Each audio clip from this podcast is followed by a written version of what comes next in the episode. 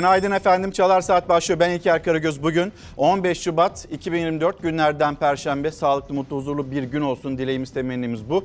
Ama aklımız, gönlümüz e, Erzincan'da orada yaşanan bir felaket. Birileri para kazansın diye yaşanan bir felaketi konuşacağız hep birlikte. Şimdi buradaki e, sıcak noktaya gitmeden hemen önce, buranın notlarını paylaşmadan hemen önce bugünkü başlığımızı da sizlerle paylaşalım. E, Instagram'dan da X hesabımızdan da bizlere yazabilirsiniz. Bugün sizlerle ne diyeceğiz başlığı altında konuşacağız. Niye? Şimdi bir felaket yaşıyoruz. Bu felaketin ardından kimse bir sorumluluk üstlenmiyor. Buna ne demek lazım? Ne diyeceğiz bir kere? Bunu söyleyelim. Sonra e, dış politikada 12 yıl sonra değerli kardeşim Sisi dönemine geçiş yapıldı. Buna ne diyeceğiz? Onu da değerlendirelim. Et kuyruğunda bekleyen sabahın erken saatlerinde kuyruğa giren emekliler var. Ayaz'da Ankara'ya götüreceğiz sizleri.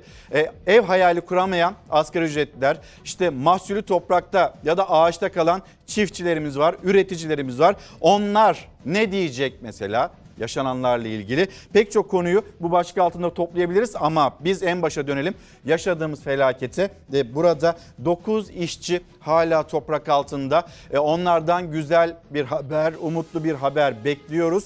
Birileri para yesin diye, birileri para kazansın diye birileri işçiler onlar da canından oluyor.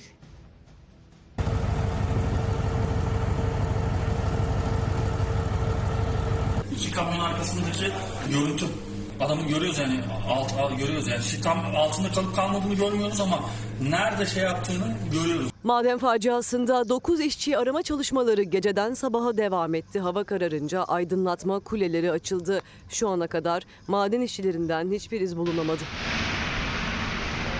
İşte facianın en net görüntüsü maden sahasında çalışan bir kamyonun kamerasına yansıdı o anlar. Tonlarca toprak su gibi aktı. Kamyon şoförleri kaçmaya çalıştı ancak 9 işçi toprağın altında kaldı. Erzincan İliç'teki altın madeni faciasının üzerinden 42 saat geçti. İşçilere hala ulaşılamadı. Madenin saha sorumluları ve yöneticilerinden 7 kişi gözaltına alındı.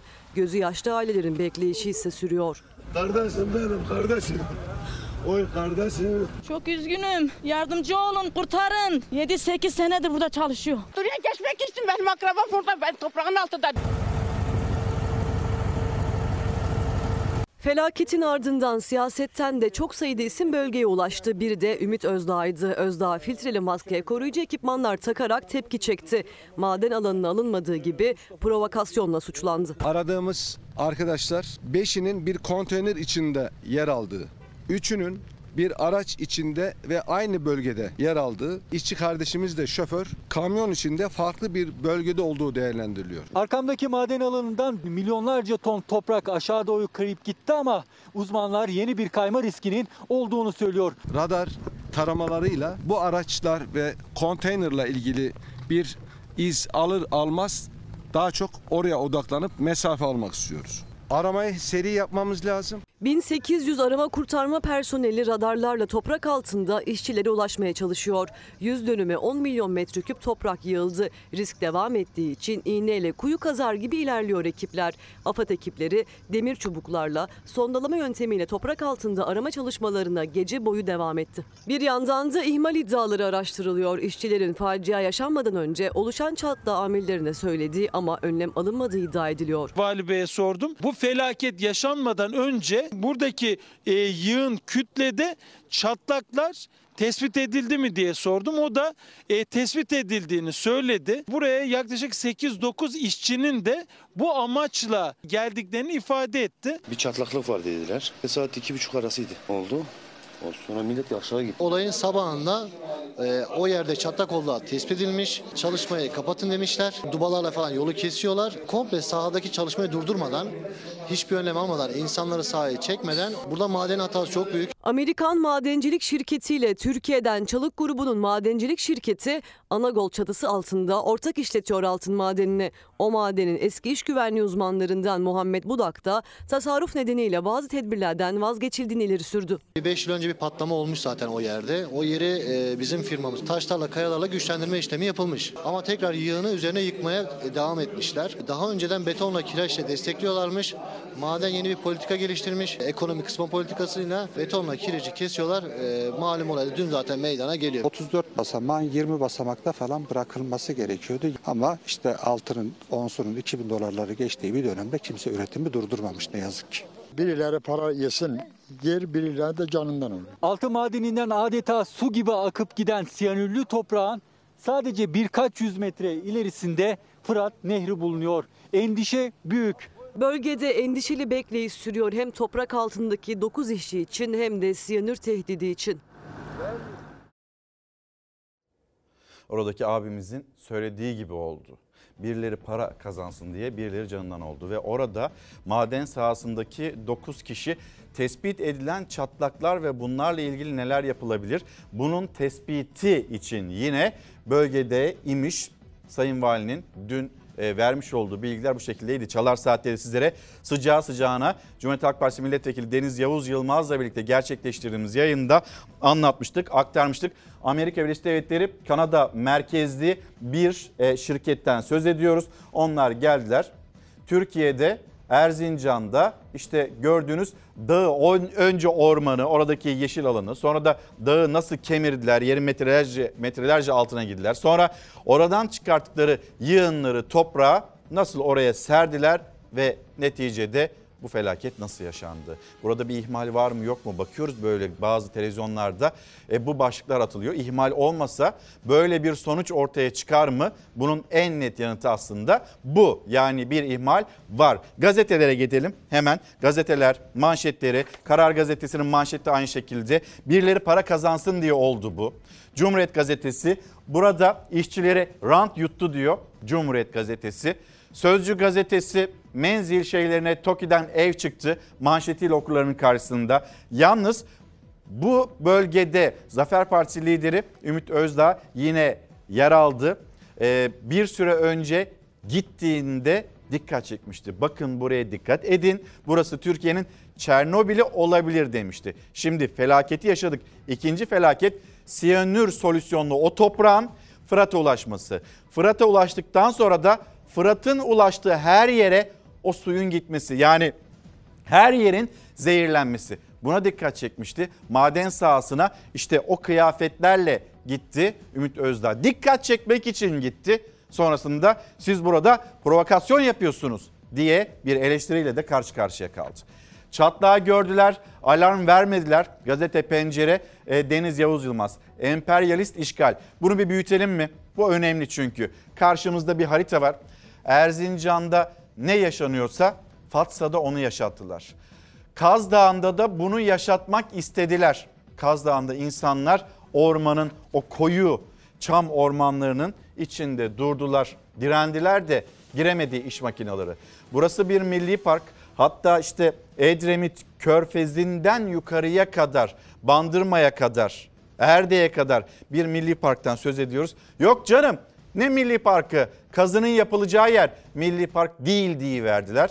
Ama insanlar, sanatçılar tepki gösterdi de Kaz Dağları'ndaki o e, oyuklardan, o çirkin görüntüden vazgeçilebildi. Hatırlıyor musunuz o zamanlarda Kaz Dağları'nda arama yapacak, maden, siyanür ayrıştırarak e, o altını çıkartacak olan şirketin yöneticisi ne demişti? Başka bir yerden e, biz işçi almıyoruz, kullanmıyoruz. E, Türkler Türkler çok iyi taş taşıyorlar da o yüzden onları kullanıyoruz diye vermişti. Tepki çekti ve o dönem böyle senelerdir bekliyoruz. Bir süre daha bekleriz. Ne olacak ki? Alacağı izinden emin olanlar bu cümleleri ne kadar da kolay kuru vermişlerdi. Yani Çanakkale'de de bunu yaşatacaklardı. Fatsa'da yaşattılar. Erzincan'da felaketi yaşattılar. Bakın emperyalist işgal. Nerede? Sadece bir yerden mi söz ediyoruz? Ordu, Gümüşhane, Erzincan, Sivas, Kayseri, Niğde, Konya, Eskişehir, Uşak, Manisa, İzmir, Çanakkale memleketin her yerinde bu maden aramaları devam ediyor. Her yerdeler. Emperyalist işgalde bir gün gazetesinin manşeti. Şöyle yapalım, şöyle ilerleyelim isterseniz. Siyanür ya olsa suya da karışsa biz size söylemez miyiz dedi Sayın Vali. Bakalım buradaki tartışmalara da toprağın üzerine serilmiş olan ki zaten zehirli olan o toprak Fırat'a, Fırat'ın suyuna, Murat'a acaba ulaştı mı ulaşmadı mı?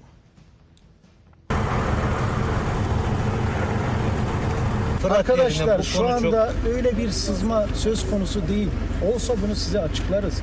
Şu anda Fırat Nehri'ne falan bir sızma söz konusu değil. O yığının tamamında siyanür bulaşığı var. An be an damla damla iniyor aşağı. Geçen her saniye çevre felaketinin boyutunu daha da büyütüyor uzmanlara göre. Çünkü kayıp giden bu toprak yığınının içinde altın ayrıştırmak için kullanılan zehirli siyanür var. Erzincan valisi Fırat Nehri'ne sızma olmadığını açıklamıştı ama Çevre ve Şehircilik Bakanlığı'ndan önlemler peş peşe geldi. Bakanlık Sabırlı Deresi'nin menfez kapaklarının kapatıldığını duyurdu. İlk önlem olarak maden sahasında yaşanan toprak kayması sırasında akan malzemenin Fırat Nehri'ne ulaşmasının engellenmesi amacıyla Sabırlı Deresi'nin Fırat Nehri'ne ulaştığı menfezin kapakları kapatılmıştır. Altın madeni Fırat Nehri'ne sadece birkaç yüz metre mesafede yağmur bir taraftan şiddetli bir şekilde yağarken siyanürün Fırat Nehri'ne ulaşması riski de yaşanıyor. Bölge çevre felaketi riskiyle karşı karşıya. Bu arada yağmur yağıyor. Oradan sızan suların Fırat'a gitmediğini kim nasıl iddia edebilir? Felaketin riskini artıran sadece kayan topraklar değil, altın madeninde bulunan işte bu siyanür havuzu da Fırat Nehri'nin tam karşısında bulunuyor. Buradan sızacak sular Fırat Nehri'ne birkaç dakikada ulaşabilir. Siyanür zaten her yerde. İlla likit fışkırtmanız gerekmiyor siyanürü. Yani siyanür uçuyor. Şu anda siyanür havada. Çevreyle alakalı ilave izinlerini almış.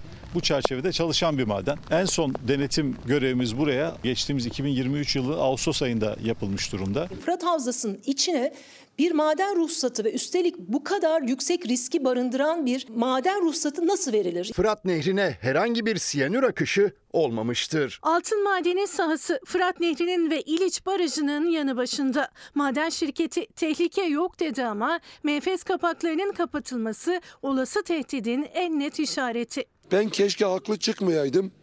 9 tane köylü yanırlı toprağın altında şu anda. Bu felaket zaten bir buçuk yıl önce ben geliyorum dedi. Yıllardır siyanüre karşı mücadele veren maden firmasına dava açan, önceki siyanür sızıntılarını Türkiye'ye duyuran İliç savunucusu Sedat Cezayirlioğlu da bölgede açıklamalarını sürdürüyordu. Gözaltına alındı. Gerekçe halkı kin ve düşmanlığa tahrik. Öğütülmüş toprak bu örtü üzerine yığılır ve siyanürlü su ile yıkanarak içindeki altından ayrılır. Tema Vakfı da siyanürlü altın madenciliğinde önlem alınmadığı takdirde sonucun facia olabileceğine dair bir video hazırlamıştı aylar önce. Uyarılar dikkate alınmadı. O videonun içinde biz aynen bu kazayı koyduk. Kaç bin kişi izledi o videoyu ama gitmiyor. Yani durduramadık ve ben ciddi söylüyorum çok ciddi vicdan azabı hissediyorum. Taşkınlar, depremler veya inşa sürecinde yapılan ihmallerle çökmesi sonucunda ağır metalli ve siyanür kalıntılı balçık tatlı suya ve toprağa karışır. Binlerce kilometre yol yapabilir. Siyanür her yerde. Şimdi önümüzdeki günlerde acaba oradaki sudan, Fırat'tan, Murat Nehri'nden bir bardak su alıp da içerler mi? Ne dersiniz? Ama neticede orada bir toprak zehirlenmesi söz konusu mu? Evet bu yaşandı. Siyanürle hem de nasıl bir hoyratça, vahşi bir madencilikle o aramalar gerçekleştiriliyor. Altını alıyorlar gidiyorlar bize de birazcık bir şeyler bırakıyorlar. Arkalarında derin, ters böyle yok edilmiş bir tabiat bırakarak konuşacağız. Devam edelim. Yine gazeteleri tamamlayalım. Siz evden çıkmadan bütün yeni günde ne konuşulacak bilin istiyoruz. Buyurun. Hürriyet gazetesi felaketi 5,5 saat önce gördüler. Evet. Sonra ne oldu? İşçiler maden sahasına gitti ve o felaket yaşandı. Mısır'la 12 yıl sonra sıcak başlangıç. Hürriyet gazetesi manşet. Gazze için güç birliği. Hani burada güç birliğini yaratmak için aslında Mısır'la bu yan yana gelişler deniliyor. Milliyet gazetesi ortaklık zamanı yine Cumhurbaşkanı Erdoğan ve Sisi buluşması 12 yıl sonra Kahire'deki buluşma akşam gazetesi 12 yıl sonra merdivende karşıladı. O kadar da sıcak karşıladı. E, 12 yıl sonra bu oldu. Biz bugüne kadar niye bu tartışmaları yaşadık? 2019 seçimlerinde ne demişti Cumhurbaşkanı? Bu pazar günü Sisi mi diyeceğiz, Binali Yıldırım mı diyeceğiz? Peki 31 Mart tarihinde ne denilecek şimdi? Ee, Türkiye'deki iç siyasette bile kullanılan isimdi Sisi. Yeni Çağ Gazetesi insan yutan madeni iktidar himaye etti. Kimdir bunun sorumlusu? Hep birlikte konuşacağız. Aynı zamanda Meral Akşener isyanı ve gözyaşları vardı. Var git ölüm şiiri ve o şiiri dinlerken söylemeye e, çalıştığı, kurmaya çalıştığı cümleler ve gözyaşlarını tutamayışı. Siyasetin hiç mi sorumluluğu yok? Türkiye Büyük Millet Meclisi'nde bu maden yasaları görüşülürken acaba milletvekillerinin katılımı nedir, hangi seviyede? Ne kadar yüksek tondan anlattılar dertlerini, hem kendi dertlerini hem oradaki insanların dertlerini. Sonradan dökülen o gözyaşları elbette hani önemli insansınız, dayanamıyorsunuz. Acı bir bekleyiş var orada. Acı, zor, zahmetli bir bekleyiş var. Neticede gözyaşlarını da dindirebilmek adına daha en başta Türkiye Büyük Millet, Meclisi'nde yapılabilecek şeyler yok muydu? Konuşacağız. Peki gidelim şimdi Erzincan'a Nav Haber'den Gökhan Mısırlı, Akif Balıkçıoğlu bizleri bekliyor. Yeni günün notlarını alacağız. Gökhan beni rahatça duyabiliyor musun? 9 işçi aranıyor. 9 işçinin aramasıyla ilgili aramasıyla ilgili şu anda etrafında bir faaliyet görebiliyor musun? Ya da böyle dronlarla bir arama faaliyeti mi yürütülüyor? Ne dersin? Yeni günün son notları sende.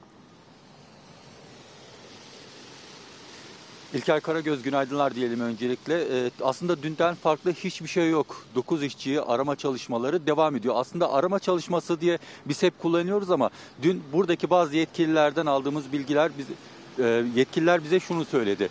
Madende sizin bildiğiniz gibi kazmayla, kürekle içeride bir arama çalışması yapılmıyor. Çünkü sadece tarama çalışması var dediler. Arama değil tarama var dediler. Öncelikle bunun altını çizelim. Bunu da şunun için söylediler. Alan çok büyük. Siyanürlü o toprak çok büyük alana yayıldı ve işçilerin nerede olduğunu bilmediğimiz için hani kazmayla kürekle ve bir taraftan da yağmurun etkisiyle o balçıkta kazma kürekle arama yapamayacakları için sadece şu anda tarama çalışması hani bölgede e, işçilerin nerede olabileceğini cihazlarla taramaya çalışıyorlar İlker Karagöz. E, şunu da söyleyeyim az önce yayında bahsetmiştin o siyanür e, Fırat Nehri'ne ulaşır mı? Nasıl ulaşır? E, onun tehlikesini konuşmuştuk. Dün de konuşmuştuk. Biz de şu anda tam Fırat Nehri'nin kenarındayız İlker Karagöz. E, şunu söyleyelim. Hani biz dün yayın yaptığımız yerden, dün akşam üzeri yayın yaptığımız yerden, ana haber bültenine yaptığımız yerden çok farklı yerde değiliz. Tam maden girişinin kapısındayız. Yani ana maden girişinin kapısıyla Fırat Nehri arasındaki mesafemiz işte bu gördüğünüz kadar. Şimdi kameraman arkadaşım Akif Balıkçıoğlu size şöyle çok kısa göstersin. Bakın tam karşıda madenin kat kat olan bölümlerini görebiliyorsunuz. Kat kat maden girişi. Bir tarafta maden çalışmaları yapılıyor. Onun arka tarafında kayan bölüm vardı ve o maden bölümünün tam karşısında o kat kat çok yakın bir yerden söz ediyoruz yani Gökhan. Yani 350 metre, var. 500 metre neyse. Değil mi? O kayan bölgeyle e, o Fırat'ın bulunduğu yer çok yakın. Evet İlker Karagöz işte dediğimiz gibi bir tarafta Fırat Nehri bir tarafta tam karşısındaki tepede altın madeninin arama yapıldığı işte kazıların yapıldığı yer. Onun yan tarafında da işte e, milyonlarca ton toprağın kaydığı yer. Şunu da çok kısa bir not olarak ekleyelim kapatmadan. Şimdi kameraman arkadaşım Akif Balıkçıoğlu'nun o gösterdiği bölgede aslında Çöpler Köyü vardı İlker Karagöz. Ee, o köyden yanılmıyorsam 3 kişi hayatını kaybetti ya da hayatını kaybetti demeyelim 3 işçiyi arama çalışmaları devam ediyor o köydeki. Ee, şimdi o köy nerede şu anda? Hemen onu da gösterelim. Ma altın madenin olduğu yerden taşınan Çöpler Köyü de hemen Fırat Nehri'nin şu anda dibinde. İşte biz şu anda şunu tartışıyoruz. Bu kadar yakın mesafeden milyonlarca kayan toprak buraya bu nehre ulaştı mı, ulaşıyor mu, ulaşacak mı? Bunun tartışması yaşanıyor. Tabii ki e, yetkililer herhangi bir tehlike yok diyor. Dün e, madenin girişinde maden yetkilileri bizlere de bir basın açıklaması dağıttı. Buradaki gazetecilere basın açıklaması dağıttı. O açıklamada diyor ki e, Karasu yani Fırat Nehri'ne herhangi bir siyanür akışı olmamıştır. Kayma nedeniyle çevresel bir risk yoktur. Altı noktadan su yüzeyinden e, numune aldık. Numuneler tertemizdir. Yani aslında şunu söylüyor. Burada aslında hiçbir şey yok diyor maden şirketi. Bize de bu açıklamayı yaptılar. Bu belgeyi verdiler dün öğleden sonra akşam üzeri saatlerinde. Ee, onlar böyle herhangi bir tehlike olmadığını söylüyorlar diyelim. Şimdilik buradan aktaracağımız notlar da bu kadar diyelim İlker Karagöz. Gökhan Mısırlı, Akif Balıkçıoğlu, Nav Haber'den. E, sıcak bölgeden, maden sahasından yayınlarını gerçekleştiriyor. Gerçekleştirmeye de devam edecekler. Maden şirketinin sözleri cümleleri bu şekilde. Sonra Sayın Vali olsa zaten bir problem Siyanür de karışsa biz size söylemez miyiz diye açıklamalar yaptı. Peki öncesinde çevreciler uyardılar bu felaket geliyor denildiğinde de işte abartıyorsunuz. İşte bir takım menfaat grupları bu cümleleri duyduk. Dönemin başbakanıydı Binali Yıldırım memleketi Erzincan bu cümleleri duyduk. Şimdi karşılaştığımız durum bu. Kaz Dağları'nda Çanakkale'nin o güzelim ormanlarını yok etmek istediler. Tıraşladılar da ağaç bırakmadılar. Neyse ki insanlar müdahale etti, çevreciler müdahale etti. Siyaset müdahale etti, sanatçılar müdahale etti de duruldu oradaki e, tartışmalar. Ve Kanadalı şirket el çekmek zorunda kaldı. Faaliyetleri durduruldu. Yoksa böyle olacaktı. İnanılmaz bir coğrafya yok edilecekti. Peki Çanakkale kurtuldu da ki o kadar ağaç da yok edildikten sonra kurtuldu da memleketin pek çok yeri kurtulabildi mi? Hayır olmadı. Fatsa'nın görüntülerini göreceksiniz. Çanakkale'yi bir kez daha hatırlatacağız. O Kanadalı şirketin sahibinin, yöneticisinin sözlerini duyacaksınız. E peki biz niye bu haldeyiz? Ne diyeceğiz? Nasıl oluyor da geliyor kendi ülkelerinde siyanürle ya da o ayrıştırmayla maden arayamayanlar, altın çıkartamayanlar ya da neyse gelip de bizim ülkemizde bu kadar rahatlıkla güzelce o altını çıkartabiliyor. Bizim coğrafyamızı yok ederek hem de. Şimdi yükselen isyan sesleri var. O yükselen isyan seslerinden birisi de e, İyi Parti Genel Başkanı Meral Akşener'e ait bir dinleyelim gözyaşlarını ve sözlerini.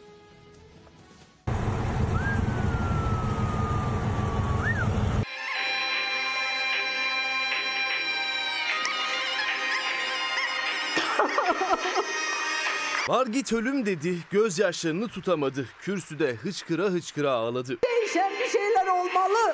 Niçin hep garipler kaçamıyor? Niçin hep fakirler kaçamıyor? Niçin hep haksızlık bunlara oluyor? Andolsun şart olsun bunları değiştireceğiz. İyi Parti lideri Meral Akşener meclisteki grup toplantısında Erzincan'da yaşanan faciaya değindi. Uyarmıştık dedi. 29 Haziran 2022'de bu kürsüden Erzincan İliç'teki altın madenindeki tehlikeye karşı iktidarı uyarmıştım. Ancak iktidar bizi aşırı duyarlı bulup kulağının üstüne yatmayı tercih etti. Yani aslında dün yaşanan felaketi göze almayı tercih etti. Anadolu'nun can suyunu taşıyan Fırat'ı değil, rant musluklarını tercih etti. 9 işçiye hala ulaşılamadı ilişte. Akşener onlar için kürsüde cep telefonundan Var git ölüm türküsünü açtı.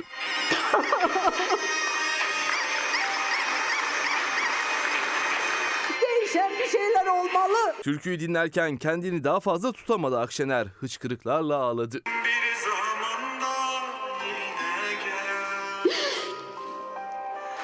Niçin hep garipler kaçamıyor? Niçin hep fakirler kaçamıyor?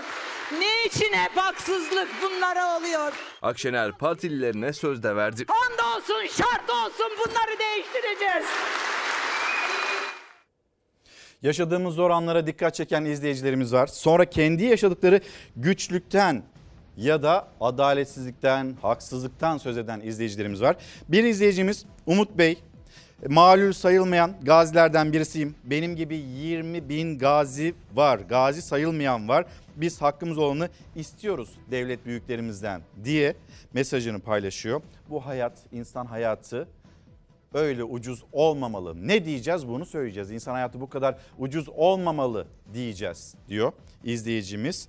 Ee, sonra bu maden faciasında Amerikalı şirket, Kanadalı şirket nasıl oluyor da bu kadar gelip e, rahatça ruhsat alıyorlar. Sonra o çet olumlu raporları alıyorlar. Kim verdi o çet olumlu raporunu?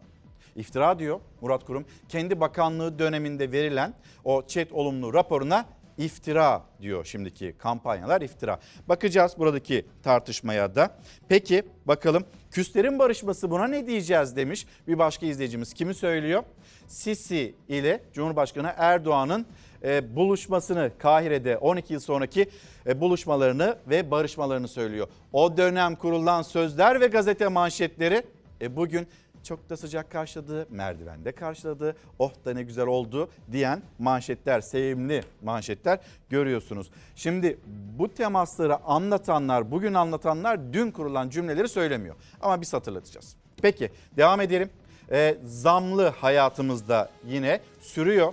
Ee, motorine zam gelmişti. Bunun haberini paylaşmıştık. Dev bir zam hem de. Bir motorine geliyor, bir benzine geliyor. Şimdi de benzine geldi. Yine azımsanmayacak bir zam.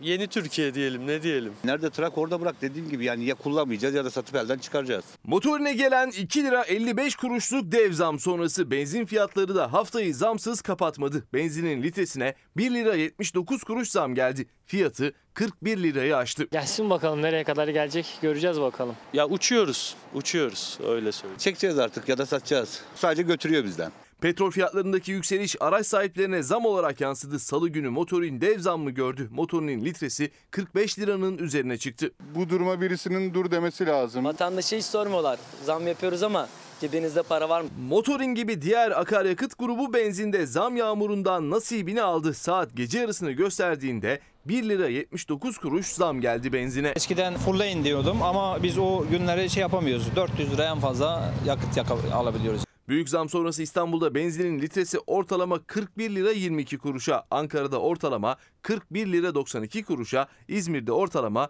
42 lira 13 kuruşa yükseldi. Başka bu hükümet ne yapabilir ki? Fakirin cebine elini sokmuş hortum gibi çekiyorlar ondan sonra saltana sürüyorlar. 55 litrelik deposu olan benzinli bir aracın deposu düne göre 98 lira daha fazlaya doluyor artık. Şimdi motorine gelen zamdan sonra nakliyenin ne kadar arttığını onu da bir söyleyin, onu da bir anlatın diyen izleyicilerimiz. Zaten sıklıkla söylüyoruz. Hem orada şoför esnafının yaşadığı problemler onların da cebinden gidiyor. İnsanlara bakıyor, insanların alım gücü yok. Onlar da çok fazla böyle bir fiyat artırımına gidemiyor. Ya da o fiyat artırımına gitmeleri engelleniyor. Biz ne yapacağız diyen şoför esnafı onların da sesini duyalım. Şimdi e, Taksim'e gideceğiz. Dün ve e, akşamüstü saatlerine yani trafiğin de insan kalabalığının da yoğun olduğu saatlere götüreceğiz. Orada yükselen silah sesleri. İstanbul'un göbeğinde Taksim Meydanı'nda silahıyla dehşet saçtı. Önce bir kişiyi vurdu ardından havaya ateş açtı. Yakalanınca da husumetlime benzettim dedi. İstanbul'un en işlek noktalarından biri olan Taksim Meydanı'nda üstelik de meydanın en işlek olduğu akşam saatlerinde. Hacı A, simit tezgahı önünde bekleyen Cezayir uyruklu Vahit Rabah'ı görür görmez belindeki silaha sarıldı. İddiasına göre bir husumetlisine benzetmişti. Vahit Rabah'ı dizinden vurduktan sonra çevresindeki kalabalığa aldırış bile etmeden havaya ateş etti. Polisler saldırgana saniyeler içinde müdahale etti. Hacı A çıkartıldığı mahkemece kasten yaralama suçundan tutuklanarak cezaevine gönderildi. Kullandığı tabancanın ruhsatsız olduğu ortaya çıktı. Ameliyata alınan Rabah'ın tedavisi sürüyor. Saldırı boyutu artan kaçak silahlanmanın son örneği oldu. Öğrenciler çıktı evden ama duyanlar duymayanlara öğrencilere söylesin. Yaz tatili kısalacak galiba. Böyle bir hazırlık içinde Milliyetin Bakanlığı. Öğrencilerin hiç hoşuna gitmeyecek. İple çekilen yaz tatili kısalacak. Milli Eğitim Bakanlığı 180 olan eğitim iş günü süresini artırmaya yönelik düzenleme hazırlığında kulislere göre öğrencilerin yılda 200 gün okula gidecekleri şekilde bir takvim oluşturulması için çalışmalara başlandı. Bir süredir tartışma konusuydu ara tatil uygulamasından vazgeçilip vazgeçilmeyeceği. Milli Eğitim Bakanlığı Kasım ve Nisan aylarındaki tatil uygulamasını sürdürecek. Ama okulda geçirilen vakit süresini de arttıracak. Bunun için önündeki tek formül yaz tatilinin kısalması olarak görülüyor. Plana göre 180 olan eğitim öğretim iş günü 200 güne çıkarılacak. 2024-2025 eğitim öğretim yılı ise 9 Eylül 2024'te başlayacak. Ve memleket havası.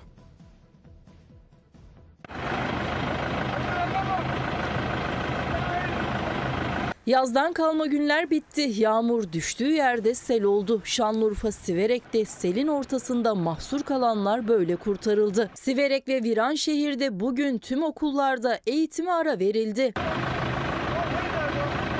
Şanlıurfa kuvvetli yağmurun etkisi altında. Şanlıurfa Viranşehir Karayolu üzerindeki Kırsal Çoban Deresi taştı. Karayolu tedbir amaçlı trafiğe kapatıldı. Siverek'te Taşlı Köyü yakınlarında bir araç sele kapıldı. İçinde 5 kişi vardı. Çevredekilerin dikkati sayesinde aralarında çocukların da olduğu 5 kişi kurtarıldı. Hemen sonra araç sele kapılıp kayboldu.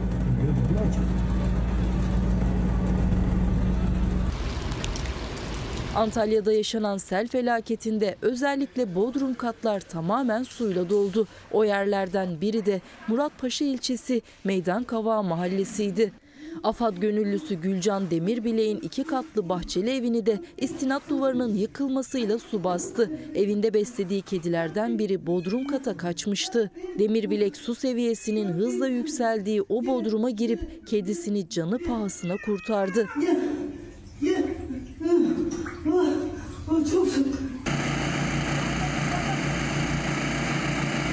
Kent selin ardından hala yaralarını sarmaya çalışıyor. Suyla dolan evler, iş yerleri temizleniyor. Yağışın şiddetli olduğu önceki gün düşen yıldırım cep telefonuyla böyle kaydedildi. Park halindeki iş makinelerinin arasına düşen yıldırım sırasında şans eseri kimse yaralanmadı.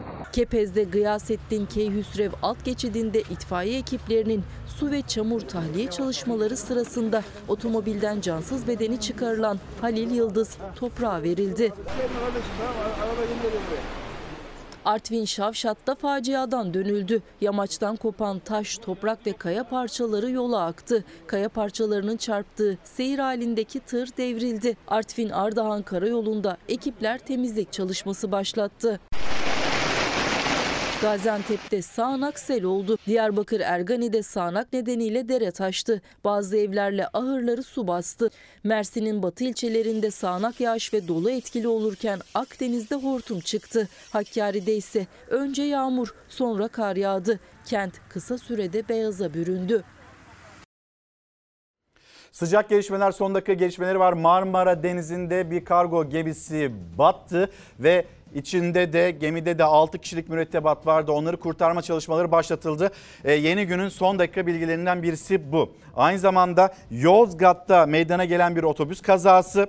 O son dakikalardan birisi bu. Marmara Denizi'nde gemi battı. 6 mürettebatı kurtarma çalışmaları başlatıldı. Sonra Yozgat'ta e, otobüs kazası meydana geldi. 4'ü ağır olmak üzere 19 kişi yaralandı. Edinilen bilgiye göre bu kaza sabah saatlerinde meydana geldi. Kayseri Yozgat Karayolu'nda merkez ilçeye bağlı Battal Köyü yakınlarında meydana geldi. E, dördü ağır 19 kişi yaralandı. E, dikkatsizlik ve tedbirsizlik nedeniyle deniliyor. İlk yapılan açıklamalar bu şekilde işte yol, yoldaki işte ne bileyim belki kayganlık, gizli buzlanma bu kazaya da sebep olmuş olabilir.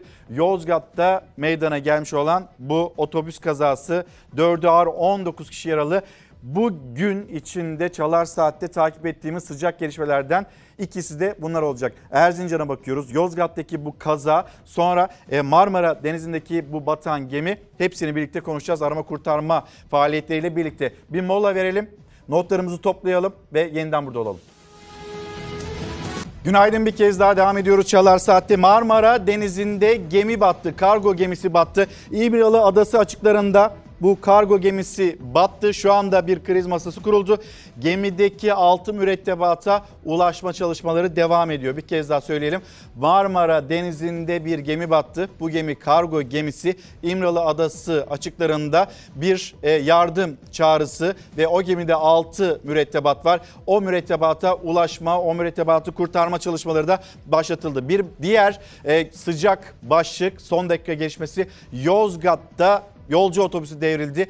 Dördü ağır 19 kişi yaralandı. Bu kazada yolcu otobüsünün devrilmesinin ardından yeni günün iki sıcak bilgisi, iki son dakika bilgisi bu şekilde ekranlarınızda da devrilen otobüsün görüntüsü ve fotoğrafları geliyor. Şimdi bir diğer adres felaketin adresi Erzincan ve özür dilerim buradaki felaket kelimenin tam anlamıyla göz göre göre geldi.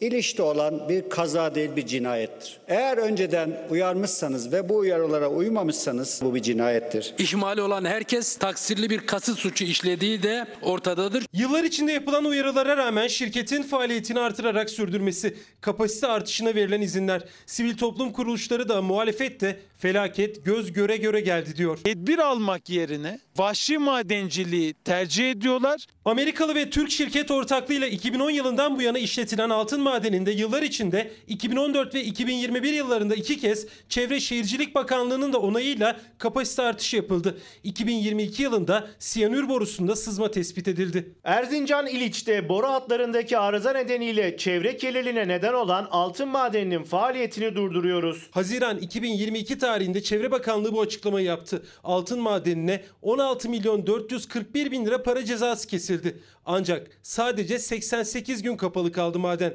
Gerekli tedbirlerin alındığı açıklanarak bakanlık yeniden faaliyete izin verdi. Çevreciler de muhalefet de daha büyük tehlikelere dikkat çekmişti. Allah korusun bu siyanür havuzlarında herhangi bir şey olması durumunda ki burası deprem bölgesi. Patlaması, çatlaması, yarılması durumunda kimyasal atıklar yeraltı sularını kirletir. Fırat'ı kirletir. Bir takım küçük menfaatlerine halel gelenler olumsuz propagandaları körüklüyorlar. Madenin ciddi anlamda İliç'e katkısı var. Gurur. AK Parti Genel Başkan Yardımcısı olduğu dönemde Binali Yıldırım bugün felaket yaşanan memleketindeki o maden ocağındaki kapasite artışlarını savunmuştu. Gurur duyuyorum diyerek çevrecileri, muhalefeti kara propaganda yapmakla suçlamıştı. Buna ihtiyacımız var. Orada yüzlerce, binlerce istihdam oluşuyor. Çevre bizim için önemli ama çevre uğruna bir algı operasyonuyla bu kaynakları harekete geçirmemizi engellemek bu da başka bir oyun. 130'ar bin lira yardım yapılması adı altında bölge halkına teklif ediliyor ancak bir şartla herhangi bir özel idari veya adli başvuruda bulunmayacaklarını taahhüt etmeleri koşuluyla. Maden işleten firmanın olası risklere karşı bölge sakinlerine para karşılığı protokol imzalatmaya çalıştığı da ortaya çıktı. Türk Mühendis ve Mimar Odaları Birliği kapasite artırımı için verilen ÇED olumlu raporu ve açık ocak işletme genişletmesi için ÇED gerekli değildir kararı ile ilgili iki ayrı dava açtı. O davalar sürerken felaket yaşandı. Fırat'ın aktığı yerlerin 350 metre ötesine siyanür, sülfürik asit, 38 farklı kimyasal artı yığacaksınız. Çatlaklar oluştuğunda görmeyeceksiniz. Tedbir almayacaksınız. Siz altınlara sarılmaya alıştınız. insanlara değil. Milyonlarca metreküp siyanürlü toprak altındaki işçiler ve çevre kirliliği. Yıllar içinde yapılan itirazlara, uyarılara bakılırsa felaket göz göre göre geldi. Ve bugün bir konumuz olacak demiştik. Başlığımız ne diyeceğiz? Kendisine soracağız. Acaba ne diyeceğiz? Bir maden faciası, zorlu bekleyiş içinde olan aileler var. 9 işçi toprağın altında onlara ulaşılmaya çalışılıyor. Ve bu felaket neden yaşandı? Bu felaketin sorumluları kim? Ne diyeceğiz? Demokrat Parti Genel Başkanı Gültekin Uysal Çalar Saat'te. Günaydın efendim. Günaydın. Hoş geldiniz. Hoş bulduk. Bu facia göz göre göre yaşandı. Haberdeki açıklamalar böyle. Çevrecilerin e, önceki yıllarda yapmış olduğu açıklamalar zaten ortada. Ne diyeceğiz? Ne diyeceksiniz? Yani büyük bir felaket tabii. Ee, uyarılara dikkate alınmamış bir sayın milletvekili de söylüyor. Ee, bilerek gelmiş bir felaket. Burada tabii sorumluları var ama sorumluları olay yeri inceleme memuru gibi olay anından itibaren hem olay yerinden hem meclisten usulen komisyona havale etmek babında milletin, emekçimizin, işçimizin, pek çok sosyal kesimin haklı taleplerine kategorik olarak reddedenler böyle bir facia karşısında usulen muhalefet partileriyle beraber bir ortak komisyon kurulması.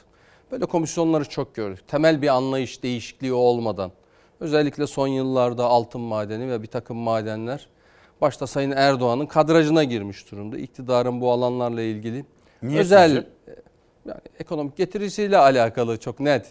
E, Cerrahtepe- Türkiye'ye bir getirisi de çok fazla yok. Bıraktığı bir tahribat var çevreyle Altın ilgili. e, madenleri, bakır madeniyle ilgili Artvin Cerrahtepe'de de gördük bu meseleyi. Nasıl tomalarla beraber Artvin halkını tediş edecek derecede oraya yüklenildiğini gördük. Majestelerinin özel sahası ama kontrolsüz bir saha. İşte Sayın Binali Yıldırım'ın sözleri var. Elbette yani şunu koymak lazım. Gelişmiş ülkeler %7 civarında gayri safi milli hasılasının gelirini madenden elde eder. Türkiye'nin de ama bunu yaparken bugün e, küresel iklim krizi diyoruz. Doğaya, tabi, tabiata olması gereken sınırın yönetilebilir bir bütünlüğü koruyacak sınırın ötesinde Türkiye'de müdahaleler görüyoruz. Madencilik sektörünü kısmen bildiğim için de söylüyorum. Son yıllarda madencilik sektörü üzerinden çok ciddi gelirler elde edilmiş olmasına rağmen maalesef burada bir takım hani herkes eşittir ama birileri daha fazla eşittir mantığı içerisinde bir takım şirketlerin özel uygulamalar yapıldığını anlıyoruz. Burada böyle bir facia göz göre göre gelmiş bu kadar E Şimdi özellikle siz de dikkat çekiyorsunuz. Müfettişler geldi ya da işte ne bileyim savcılar atandı. Siyasette dökülen gözyaşlarını görüyoruz. Yani e, elbette herkesin canı yanıyor. Bir yandan da güzel bir haber Evet. bekliyor, umutlu bir haber bekliyor. Gözyaşı dökmek yetiyor mu? Biz her meselede aynı şeyi gördük. Yani işin sorumluları ağıt yakıyor. Filistin'de bu kadar facia var. E, Gemileriniz bir yandan işleyecek ama meydanlara insanları toplayarak hükümet ağıt yakacak. İşte bugün Sisi meselesi. 12 yılda Türkiye ne kazandı ne kaybetti bunu soranınız var mı? Pahalı bir tecrübeyi Türkiye'nin bu bölgede çok tektonik siyasette değişimlerin olduğu bir dönemde Doğu Akdeniz'den başlayalım. 2004 yılında anlam planını evet diyen bu hükümet, Denktaş'ı neredeyse ergonokoncu yapıp yargılamaya çalışan bu hükümet, o gün Rumlar anlam planını kabul etse bugün yerli ve milli dediğiniz Doğu Akdeniz'deki hiçbir hakka sahip değilsiniz. Ama bunu muhakemeye yapacak, siyasi iklimimiz bu tartışmaları sağlıklı yapabilecek bir durumda değil. Efendim bu konuya geleceğiz, bu başlığa geleceğiz ama önce Erzincan konusunu e, tamamlamak istiyorum. Bir e, Binali Yıldırım'ın cümleleri geçmişten. Şimdi mesela bu chat olumlu raporu kimin zamanında verildi? E, o dönem bakan olan isim Murat Kurum'du. Peş peşe bu sesleri bir dinleyelim. Sonrasında e, geleceğiz tabii ki dün gerçekleşen 14 Şubat 2024 tarihinde gerçekleşen Kahire'deki o temaslara da. Madenin ciddi anlamda İliç'e katkısı var, desteği var. İliç eski İliç değil. Erzincan'dan da daha ileri gitti. Her türlü tedbir alınıyor, denetlemeler yapılıyor. Vatandaşlarımız, orada yaşayan hemşehrilerimizin ciddi anlamda hayat standartı yükseldi.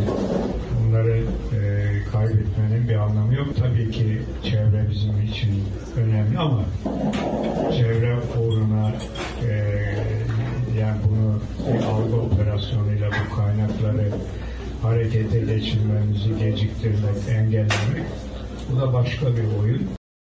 Bakanlığım döneminde bu işletmeye verilen ÇED raporunu dile getiriyorlar. Çevre Bakanlığı kıymetli kardeşlerim sadece çevresel etkileri denetler. İşletmeye, çevreye, doğaya zarar veriyor mu, vermiyor mu buna bakar. Bakanlığımız döneminde bu işletmenin çevresel etki denetimleri çok sıkı bir şekilde yapıldı. 21 Haziran 2022'de işletmeye çevre kanunundaki en üst sınırdan idari para cezası verildi. Bize iftira atanlar şunu da bilirler ki Çevre Bakanlığı işletmenin kapasite artışı kararını vermez. Veremez. Çünkü böyle bir yetkisi yoktur. Sadece ve sadece kapasite artışının çevreye etkisini ölçer. İşletmenin tüm tedbirleri aldığı bilirkişi raporlarıyla tespit edilince faaliyetine tekrar başladı. Şimdi iftira diyor Murat Kurum kendisine yönelen e, bu sert eleştirilere yönelik olarak da çevre için doğa için de olumlu mu diye baktık. Evet olumlu. Çevreye doğaya şimdi bakıyoruz. Bir de şimdi baksalar acaba nasıl bir tablo görecekler? Şimdi orada yaşanan facia ile ilgili ne diyeceğiz? Yani Sayın Bakan'a şecaat arz ederken Merdi Kıpti sırkatini söyler diye Sayın Erdoğan'ın diline pelesenk ettiği bir laf var. Marifet diye ayıbını anlatıyor. Aslında diyor ki şey, Çevre Bakanlığı olarak, Şehircilik Bakanlığı olarak bizim sorumluluğu yok. Enerji Bakanlığı'nın burada zaafı var, yanlışı var, kapasite artırımını onlar verdi. Bu açıklama bile ortadaki vehametin sorumlusunu kim olduğunu gösteriyor. Sadece bu açıklamada değil. Yani Sayın Bakan kendini kurtarmak için tabii bir seçim atmosferinde daha iki gün evvel İstanbul'da Kanal İstanbul e, rezerv alanlarla ilgili iptal edildi. İstanbul Büyükşehir Belediyesi'nin itirazlarını reddeden o günün bakanı yine Sayın Kurum. Şimdi çıkıp neyi anlatacaksınız? O açıdan söyleyecek sözleri yok. Türkiye'nin sistematik bir çöküş yaşadığı bir devletin en önemli fonksiyonlarından birisidir denetim yapmak. Türkiye'de adli denetim yapılmadığı için, idari denetim yapılmadığı için, Türkiye'de siyasi denetim yapılmadığı için, işte medya denetimi ne kadar caydırılmak için tazminat davaları, müdahaleler, rütükün müdahaleleri, başka müdahaleler camianın içinde insan olarak siz daha net yaşıyorsunuz bütün bunları. Türkiye bu manada bir kontrolsüz saha var. Birilerinin yürüyen merdivenin üzerinde engelsiz koştuğu ama öbür tarafta e, vatandaşlarımızın, farklı farklı sektörlerde fonksiyon gören tüccarların o uygulamalara tabi olduğu ama birilerinin keyfi uygulamalarla beraber geçmişte başbakanlığa alınmıştı bir takım yetkiler şu anda güvenlik soruşturması adı altında Cumhurbaşkanlığı alınmış. Oradan yürüyor hadise. Sayın Bakan'ın açıklamaları da aslında zımnen muhataplarının hükümetin zafiyeti olduğunu kendi itiraf etmiş. Şimdi e, az önce siz dünkü temasla dikkat çektiniz. Haberimiz hazır. Cumhurbaşkanı Erdoğan 12 yıl sonra Mısır'da Kahire'de Sisi ile darbeci dediği Sisi ile yan yana geldi ve hatırlayacaksınız 2019 seçimleri öncesinde de bu pazar günü Binali Yıldırım mı diyeceğiz yoksa Sisi mi diyeceğiz demişti. Şimdi ne denilecek acaba? Önce haberimizi izleyelim sonra soralım Gültekin Uysal'a. Darbeci Sisi'nin davetlisi olan Arap Ligi mensupları bir araya geldi. Değerli kardeşimi ilk fırsatta Ankara'ya beklediğimi söyledim. Bugün sevgililer günü. Herkes sevdiğine koşturuyor. Tayyip Bey de bugün Mısır'a gitmiş. Mısır'da Sisi'ye koşturmuş. Sevgililer gününü orada kutluyor. Darbeci olarak suçladığı Sisi ile Erdoğan'ın Kahire'deki buluşması. 12 yıl sonra Mısır'a gitti Cumhurbaşkanı Erdoğan. Mısır'da kırmızı halıyla uçağın kapısında Sisi tarafından karşılandı. Sisi için değerli kardeşim dedi. Toplantıların ardından İmam Şafii Türbesi'ni ziyaret etti Sisi ile birlikte. Uzun bir sürenin ardından ki 12 yıl yeniden Kahire'de olmaktan büyük bir memnuniyet duyuyorum. Sisi'nin ayağına Recep Tayyip Erdoğan gidiyor. Türkiye Cumhuriyeti'nin iflas eden dış politikasının Erdoğan'ın her zamanki zikzaklarının bir son işareti olarak ortadadır. Halkının %52 oyunu almış olan bir Mürsi'yi ve arkadaşlarını mahkum eden bir anti demokratla karşı karşıya gelmem. Onunla aynı masada oturmam. Mısır'da yönetimi darbeyle ele geçirdi Sisi. O günden sonra Türkiye-Mısır ilişkileri kesildi. Sisi denilen kişi bir zalimdir ve bir demokrat değildir. Beni Sisi ile çok barıştırmak isteyenler var. Asla kabul etmiyorum. Etmem de. Sisi'ye karşı Mısır'da darbe karşıtı gösterilerin adresi Rabia Meydanı'ydı. Rabia AK Parti'nin işareti olarak tüzüğüne dahi girdi. Cumhurbaşkanı Erdoğan 2019 yerel seçiminde Ekrem İmamoğlu'nu darbeci Sisi'ye benzetmişti. Sisi mi diyeceğiz? Binali Yıldırım mı diyeceğiz? İmamoğlu Sisi olarak adlandırmıştı. E şimdi Sisi ile dost olduklarına göre artık Murat Kurum mu Sisi oldu diye de insan sormadan edemiyor. Sisi zulmünden vazgeçecek hangi adımı attı da siz Mısırlar normalleşiyorsunuz. Darbeci, katil, zalim dediği Sisi ile ilk olarak Katar'da bir araya geldi Erdoğan. Ardından G20 zirvesinde 12 yıl aradan sonra da Kahire'ye gitti. Şahsıma ve heyetime gösterilen hüsnü kabulden ötürü Cumhurbaşkanı Sayın Sisi başta olmak üzere tüm Mısırlı kardeşlerimize teşekkür ediyorum. Biz devletler arasında küslük olmayacağını, arayı bir an önce düzeltmesini söylediğimizde bize hain diyordu, darbeci diyordu. Bugün darbeyi yapanla sarılmış poz veriyor. Cumhurbaşkanı Erdoğan'ın Kahire ziyaretine muhalefetin tepkisi sürerken Erdoğan ve Sisi eşleriyle birlikte Kahire'de bulunan İmam Şafii Türbesi'ne de gitti. Birlikte türbedeki eserleri inceleyip dua etti. Ziyaretin ardından türbe bahçesinde hatıra pozu verdi. Efendim değerli kardeşim, dostum Sisi dönemi şimdi 12 yıl sonra. Ne dersiniz? Yani haberlerin hepsini izleyince neyi arz sayarlar diye ben de merak ediyorum. Arsızlık, utanma duygusu yok ve adeta metastas yapmış, tüm organlarını sarmış bir iktidarın zihniyeti var ortada. Yani bin tane laf söyleyeceksiniz. Hani şair Eşref'in güzel bir şeyi var. Suların haricinde her yeri akıyor diye. Bu iktidarın da Bir tarafta erdem siyaset, dış politikada erdem siyaseti yapıyoruz. Dış politikada ahlak siyaseti yapıyoruz. Etik siyaseti yapıyoruz. Hali ortada. Hiçbir aklınız yok. Maalesef dünyayı okumaları, müktesebatları, birikimleri, Türkiye'nin büyüklüğünü, Türkiye'nin e, kudret kapasitesini anlayacak. Onun önüne bir siyasi akıl dış politika pahalı tecrübelerle ilerliyoruz. 300 yıllık ömrümüz olsa Sayın Erdoğan'ın deneme yanılma metoduyla öğrenmesine zaten tahammül edeceğiz de ortalama insan ömrü belli.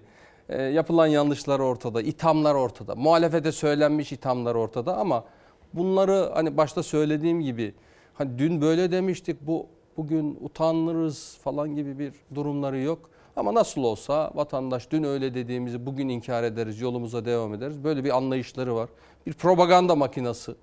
O manyetik alan içerisinde dün söylenenleri bugün tam tersini yaparak alkışlatabilir. Herhalde bu seçimde de e, mecliste de konuşan milletvekilleri söylemişler. İstanbul'da meydanlarda Sisi diye, kardeşim diyerek, 12 yıl Mısır'a gidilemediğini kendisi itiraf ederek, e, bölgede biraz evvel de altını çizdim. Çok önemli gelişmeler ve Türkiye'yi etkileyecek.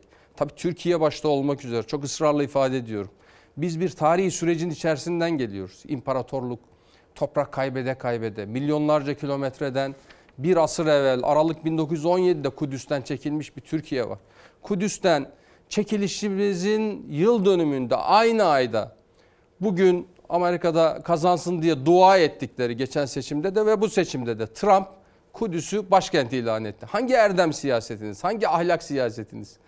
Temsil ettiğiniz değerler dediğiniz muhafazakar kitlelerin her tür değerin üzerinde tepinmişsiniz ama e, maalesef o kitleler bambaşka süreçler içerisinde o manyetikten çıkamıyor. Peki siz 31 Mart'ta ne diyeceksiniz? 2019 seçimlerinde Cumhurbaşkanı sormuştu seçmene. Sisi mi diyeceksiniz, Binali Yıldırım mı diyeceksiniz diye. Siz 31 Mart'ta ne diyeceksiniz? Ekrem İmamoğlu diyecek misiniz? Ankara'da mesela Mansur Yavaş diyecek misiniz? Evet, Kararınız nedir? Yani e, önemli bir açıklama yapmam için de fırsat olur benim için. Buyurun. Tabii Türkiye'nin projektörlerin üzerinde olduğu belirli alanlar var. Açık yürekli ifade etmem lazım ki İstanbul ve Ankara 2017-16 Nisan referandumu, 2018 seçimleri, 2019 yerel seçimleri kademe kademe Türkiye'de muhalefetin bir muhalefet, demokratik muhalefet yapma zeminini inşa ettiği direnç noktaları. O açıdan İstanbul ve Ankara'da Demokrat Parti olarak biz aday çıkarmamak, İstanbul'da Sayın İmamoğlu'nu, Ankara'da Sayın Yavaş'ı destekleme kararı aldık. Çünkü e, Türkiye'nin tabi olduğu biz e, Sayın İmamoğlu bir mahkeme kararıyla siyasette önü kesilmeye çalışıldığın Saracane Meydanı'ndan da haykırdık. Dünümüzü çalanlara yarınlarımızı çaldırtmayacağız diye.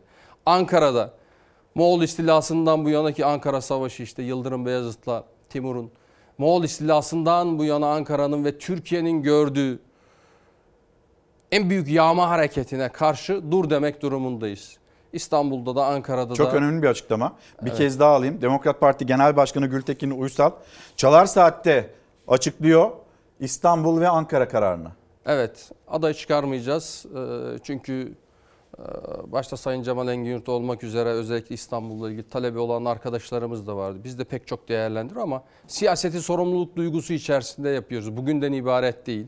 Biz Cemal Bey'le konuştunuz. Cemal Evet, Engin tabii, Çünkü tabii. Kendisi istiyordu aday olmayı da. Arkadaşlarımızla beraber hem Genel İdare Kurulumuzda hem Başkanlık Divanımızda bütün bunları e, sadece bugünü dar bir pencereden bakarak değil. Yani 25 yılda İstanbul talan edilmiş.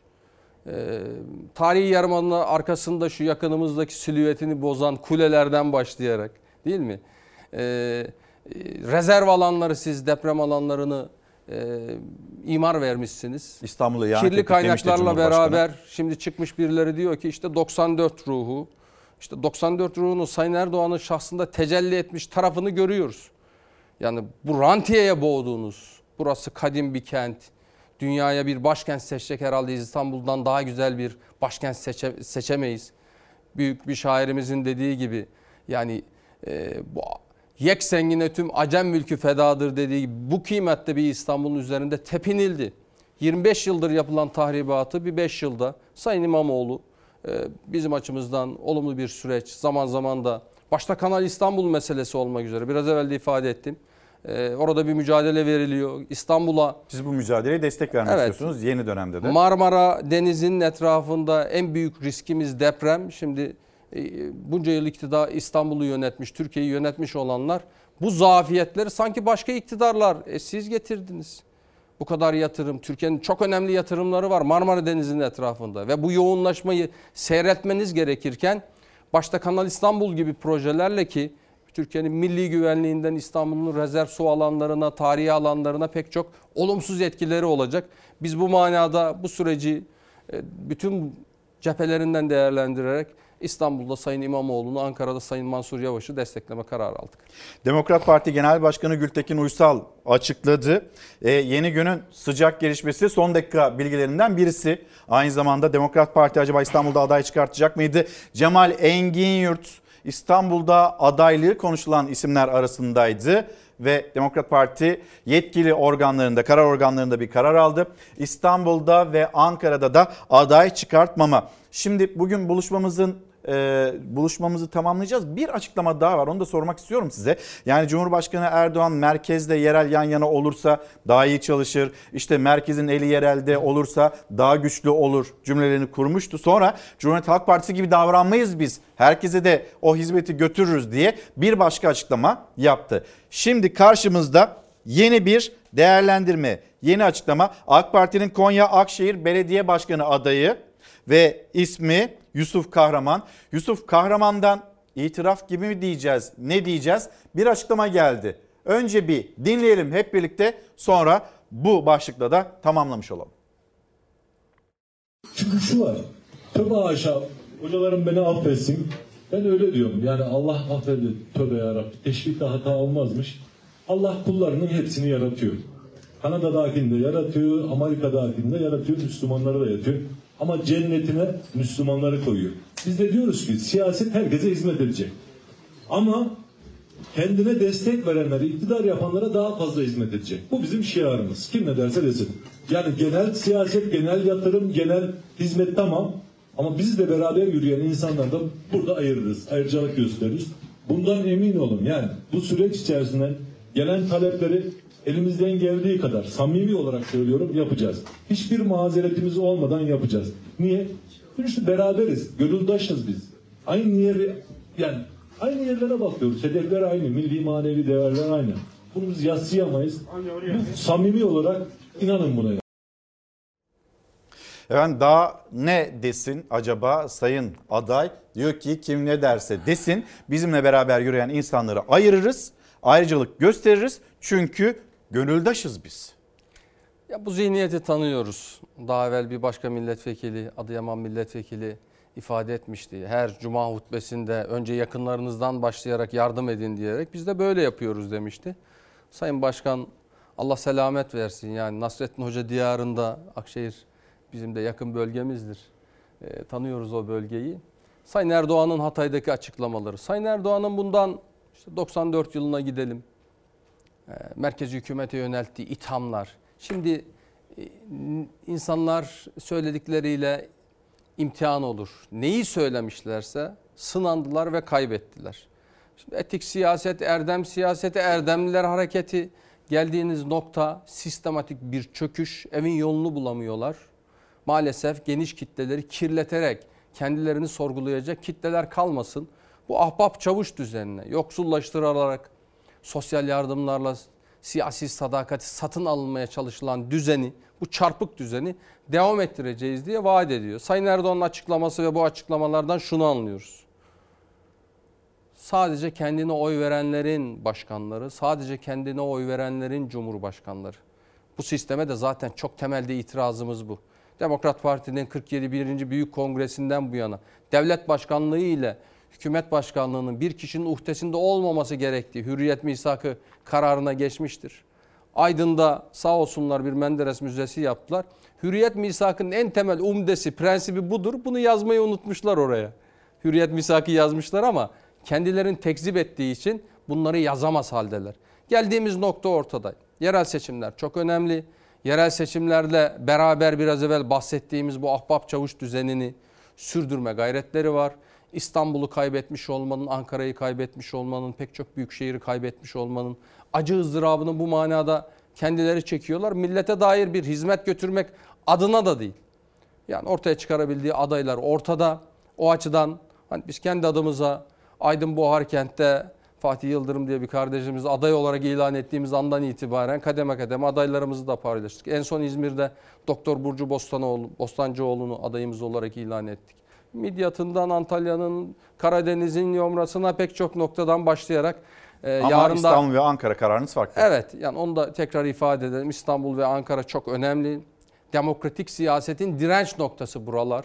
Psikolojiyi çünkü çok uzun süre bu yerel seçim sonrası seçim olmayacak ve içinde nefes alıp vereceğimiz siyasi iklimi buralarda çıkacak netice e, oluşturacak. O açıdan insanımızın e, psikolojisini çökertmek noktasında iktidarın bir hedefi var. E, aslında ikinci tura seçimi taşıyarak da e, hedefleri yüzde 40'a 60 gibi bir psikolojik zemin olsun. İşte işlerine gelmediği için yüzde 50 artı bir dengesini sorgulamaya çalışıyorlar ama a, Allah'tan Sayın Bahçeli var. Yüzde 50 artı biri bütün sistemin kontrolü maniveles olarak kendisi gördüğü için oralara dokundurtmuyor ama iktidarın ne demokrasi ne hukuk ne Türkiye'de etkin bir yönetim böyle bir hayali yok. Tek bir şeyi var. Bir kişi ve onun yakın şurekasını Türkiye Cumhuriyeti mahkemelerinin denetiminden uzak tutmak. Bunun için her ne maliyet varsa milletimiz ödeyecek. İşte ödüyoruz. 3 yıldır perişanlık. Tarihinde olmadığı kadar emeklilerimiz bugün perişan. Seçime giderken bayram öncesi ikramiye vereceğiz diyerek bir kandırmacanın içerisindeler ama kaybettirmişsiniz. Bu kayıpları kim telafi edecek? Efendim çok teşekkür ederim. Çok Ben sağ çok olun. teşekkür ederim. Geldiniz Çalar Saat'te gündeme dair kendi notlarınızı paylaştınız ve önemli bir bilgiyi de aynı zamanda son dakika bilgisinde e, Gültekin Uysal açıkladı. Demokrat Parti'nin genel başkanı E, İstanbul'da ve Ankara'da aday açıklamayacak. Demokrat Parti ve Ekrem İmamoğlu'nu İstanbul'da, Mansur Yavaş'ı Ankara'da destekleyecek. Şimdi hızlı bir şekilde molaya gideceğiz. Sayın Başkan'ın da dikkat çektiği emekliler, asgari ücretliler, üreticiler, perişan olduğu insanlar dediği konular ve e, kesimler var. Bu başlıklara geçiş yapacağız. Son dakika bilgilerini de aktaracağız molanın hemen ardından. Günaydın efendim. Çalar Saat'te uzun uzun konuşacağımız yerdeyiz ve anlatacaklarımız var, aktaracaklarımız var. Ee, yeni güne dair önemli son dakika bilgileri var, gelişmeleri var. Sonra birileri para kazansın diye yaşadığımız felaket var, notları. Dış politikada değerli kardeşim Sisi dönemi ve tartışması. Et kuyruğundaki emekli bari en azından kokusu sinsin diye et kuyruğunda bekleyen emekliler, asgari ücretliler, üreticiler hepsini birlikte konuşacağız. Ne diyeceğiz başlığı altında? Bir memleket havası diyelim. Toparlayalım. Notlarımızı devam edeceğiz. Baharı yaşatan Şubat kışa dönüyor. Sıcaklık düştü. Yağmur ve kar yağışı yeniden başladı. Meteoroloji 8 il için sarı kodlu uyarı verdi. Kuvvetli sağanak ve kar bekleniyor. Aydın, Muğla, Kayseri, Kırşehir, Aksaray, Niğde, Karaman, Konya ve Edirne dışında yurdun tamamında hava yağmurlu. Ardahan, Kars, Ağrı, Bitlis ve Hakkari'de ise kar yağışlı. Bugün Uşak, Kütahya, Eskişehir ve Afyonkarahisar'da da karla karışık yağmur düşmesi bekleniyor. Yağışların yükseklerde kuvvetli karla karışık yağmur ve kar şeklinde olacağı tahmin ediliyor. Meteorolojinin özellikle uyardığı iller Bursa, Yalova, Bilecik, Kocaeli, Sakarya, Düzce ve Bolu'da kuvvetli sağanak yağmur etkili olacak. Kuvvetli yağmurun beklendiği bir başka il ise İstanbul. Kuzey ilçeleri ağırlıklı olmak üzere kuvvetli sağanak yağış, su baskını, ulaşımda aksamalar gibi olumsuzluklara neden olabilir. Doğu Karadeniz'in yüksekleriyle Doğu Anadolu'nun doğusunda yüksek kar örtüsüne sahip eğimli bölgelerde çığ riski yüksek. Bugün sıcaklık Karadeniz'de 15-16 derecelerde, Edirne'de 12, İstanbul'da 8, Aydın'da 16, Antalya'da 15. Deprem bölgesinde de mevsim normallerinin üstünde 17-18 derecelerde hava yağmurlu. Sıcaklıklarda hafta boyunca önemli bir değişiklik yaşanmayacak. Yurt geneli yeni haftaya kadar yağmurlu ve bulutlu olacak. Güneş yüzünü ancak yeni haftada gösterecek. Maden alanından son dakika bilgileri var. Bir gerginlik yaşandı maden alanında konuşalım. Sonra e, bu yaşanan kazalar yeni notları birazdan gelecek ekranlarınıza. Siyasette Demokrat Parti'nin almış olduğu bir karar ve son dakika bilgisi. Şimdi gelelim Marmara Denizi'nde batan gemiye. Marmara Denizi'nde bir kargo gemisi şu anda ajanslar İhlas Haber Ajansı geçiyor. Sahil güvenlik botlarını da görüyorsunuz. Çok dalgalı bir gün Marmara Denizi kargo gemisi battı. Saat 6.32'de acil durum sinyali geldi. Ulaştırma Bakanlığı'nın açıklaması batıyoruz sinyali geldi ve sonrasında ilerleyen dakikalarda gemiyi görüyorsunuz. Gemi ortada yok. 6 kişilik mürettebatı onlara da ulaşılmaya çalıştığının çalışıldığının bilgisini Bursa valisi Mahmut Demirtaş verdi. Su alarak batan gemideki personeller Türk olabilir. Gemi kıyıya 6-7 kilometre mesafede battı. Şu an helikopter destekli 3 botla arama kurtarma çalışmaları devam ediyor en kısa zamanda gemiye ulaşılacağını zannediyorum dedi. Sayın Valinin yapmış olduğu açıklamalar bu şekilde. İmralı Adası açıklarında kargo gemisi 6 mürettebat onlara ulaşılmaya çalışılıyor. E, helikopterlerle sahil güvenlik ekipleriyle dalgalı hırçın bir deniz Marmara Denizi ve batan bir gemi kargo gemisi notlarını sıcak bilgilerini anlatacağız yine. Şimdi Yozgat'ta meydana gelen trafik kazası ve yine memleketten gelen o kaza haberleri. Kontrolden çıkan yolcu otobüsü devrildi. Kazada 4'ü ağır 19 kişi yaralandı. Kaza sabah saatlerinde Kayseri Yozgat Karayolu merkez ilçeye bağlı Battal köyü yakınlarında yaşandı. Yolcu otobüsü yoldan çıktı, devrildi. 4'ü ağır 19 yolcu yaralandı. Yaralılar Yozgat Şehir Hastanesi'ne kaldırıldı. Mermer yüklü tır işçi servisine çarptı. Kazada 3 ağır 9 kişi yaralandı. Kaza Balıkesir'de iş çıkış saatinde Ayvalık İzmir karayolunda yaşandı. Zeytinyağı fabrikasında çalışan işçileri taşıyan servis minibüsü Ayvalık yönüne dönerken mermer yüklü tırla çarpıştı.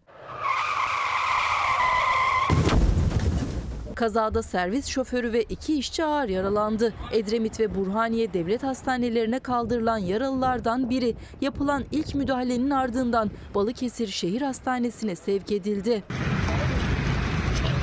Bursa'da Sedat Taşdemir'in kullandığı otomobil yağış nedeniyle kayganlaşan yolda kontrolden çıktı. Taklalar atarak tarlaya uçtu. İçindeki iki çift sevgililer gün nedeniyle çıktıkları yemekten dönüyordu. Kazada araçta sıkışan sürücünün nişanlısı 24 yaşındaki Eda Ateşmen ve 34 yaşındaki Zeynep Murhan hayatını kaybetti.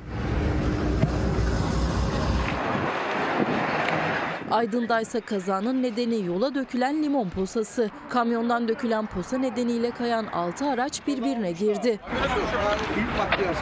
Kaza nedeniyle Aydın-Muğla karayolu ulaşıma kapandı. Zincirleme kazada bir kişi hayatını kaybetti. 11 kişi yaralandı.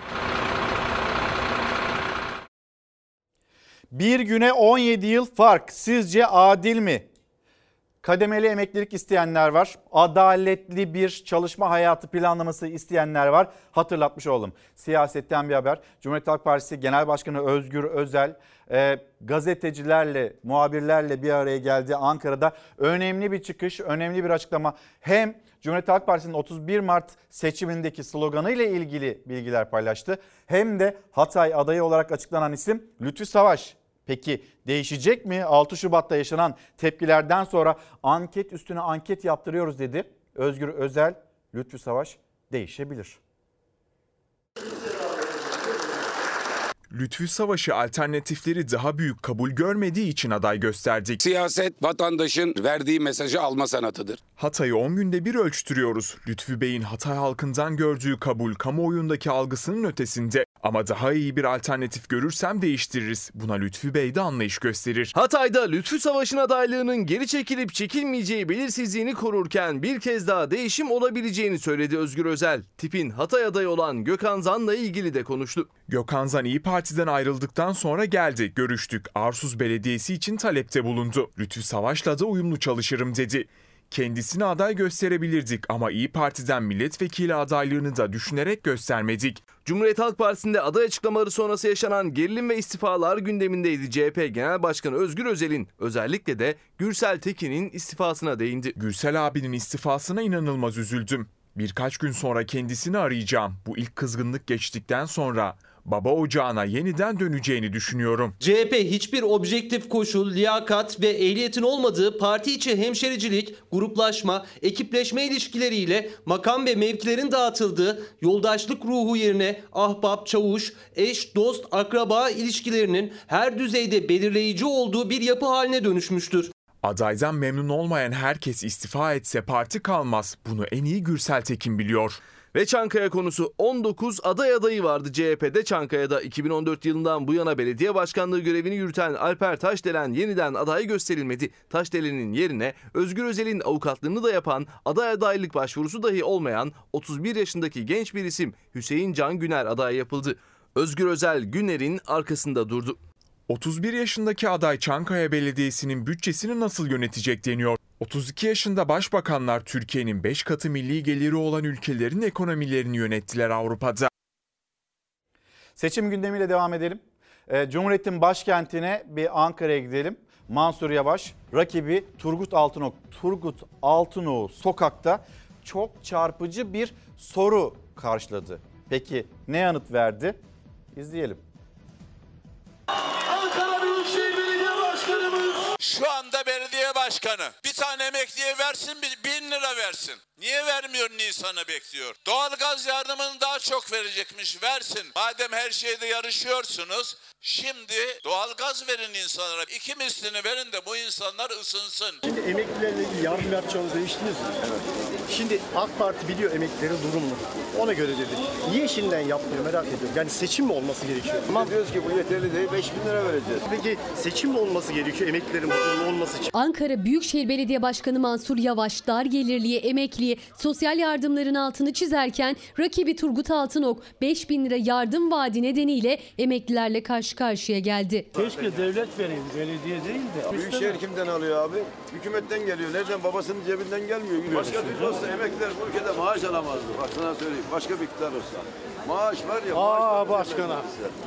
Provokasyonu bırakalım şimdi. Cumhur İttifakı'nın adayı Turgut Altınok emekli vaadi ile ilgili eleştiriler için vatandaşı provokatörlükle suçladı. Mansur Yavaş ise CHP Genel Başkanı Özgür Özel'le birlikte sanatçı Erdal Beşikçioğlu'nun aday olduğu Etimeskut'taydı. Biz daha çok vereceğiz diye taklit etmeye başladılar. Eğer gerçekten proje arıyorlarsa Mansur Yavaş ne yaptı kom oraya girsinler. Ankara'nın köylerine kadar Mansur Yavaş ne yapmış bir görsünler. Emeklilere benden başka destek olan yok. Biz protein yardımı yapıyoruz. O but veriyormuş. Tavuk budu olduğu ortaya çıktı. O da 15 kişiye. Kendisinden oy olarak rekor bekliyorum ama ne oy alırsa alsın. Bu başkana bu insanlığı için helal olsun be helal olsun. Her zaman sizsiniz. Sağ ol. Teşekkür ederiz. Çok da dua edin. Hayırlı günler. İnşallah, inşallah. İnşallah. Yine de geleceğiz. Hayırlı günler. Başkanım sizden gurur duyuyoruz başkanım. ne kadar kolay söyleyebiliyorlar. Derdiniz var, yaranız var. Zaten çok da göremiyorsunuz o adayları, yönetenleri sokakta. Karşılaşmışsınız, denk gelmişsiniz. E şimdi verin emekliye o parayı denildiğinde hükümet olmasa, şimdiki hükümet olmasa emekliler maaş alamazdı. Ne anlatıyorsunuz siz? Hadi provokasyon yapma diye sokaktan bu sözleri duyuyorsunuz. Ya da emekliye karşı bu cümleler kuruluyor. O abimiz gerçekten mi ya? Provokatör mü yani? Yoksa kimse size derdini anlatamayacak mı? Bir büyüğümüz vardı yine. Kuyumcuya girmiştiniz. Kuyumcunun halini derdini falan soruyordunuz. Demiştik ki teyzemiz ya olur mu? Bir bizi dinleyin. Emekliyiz. Paramız yok. Kimse babasının cebindeki parayı kullanmıyor. Mehmet Şimşek de onu söylüyor. Emekli de zaten kimsenin babasının parasını istemiyor. Çalıştığının hak ettiğinin karşılığını istiyor. Et veriyorlarmış verme. Biz de but veriyoruz. Sözlere bakın. Size yaklaşıma bakın. O yüzden mi insanlar sabahın köründe et kuyruklarında? Gidelim Ankara'nın ayazına soğuğuna. Bir bakın bakalım emekli ne halde.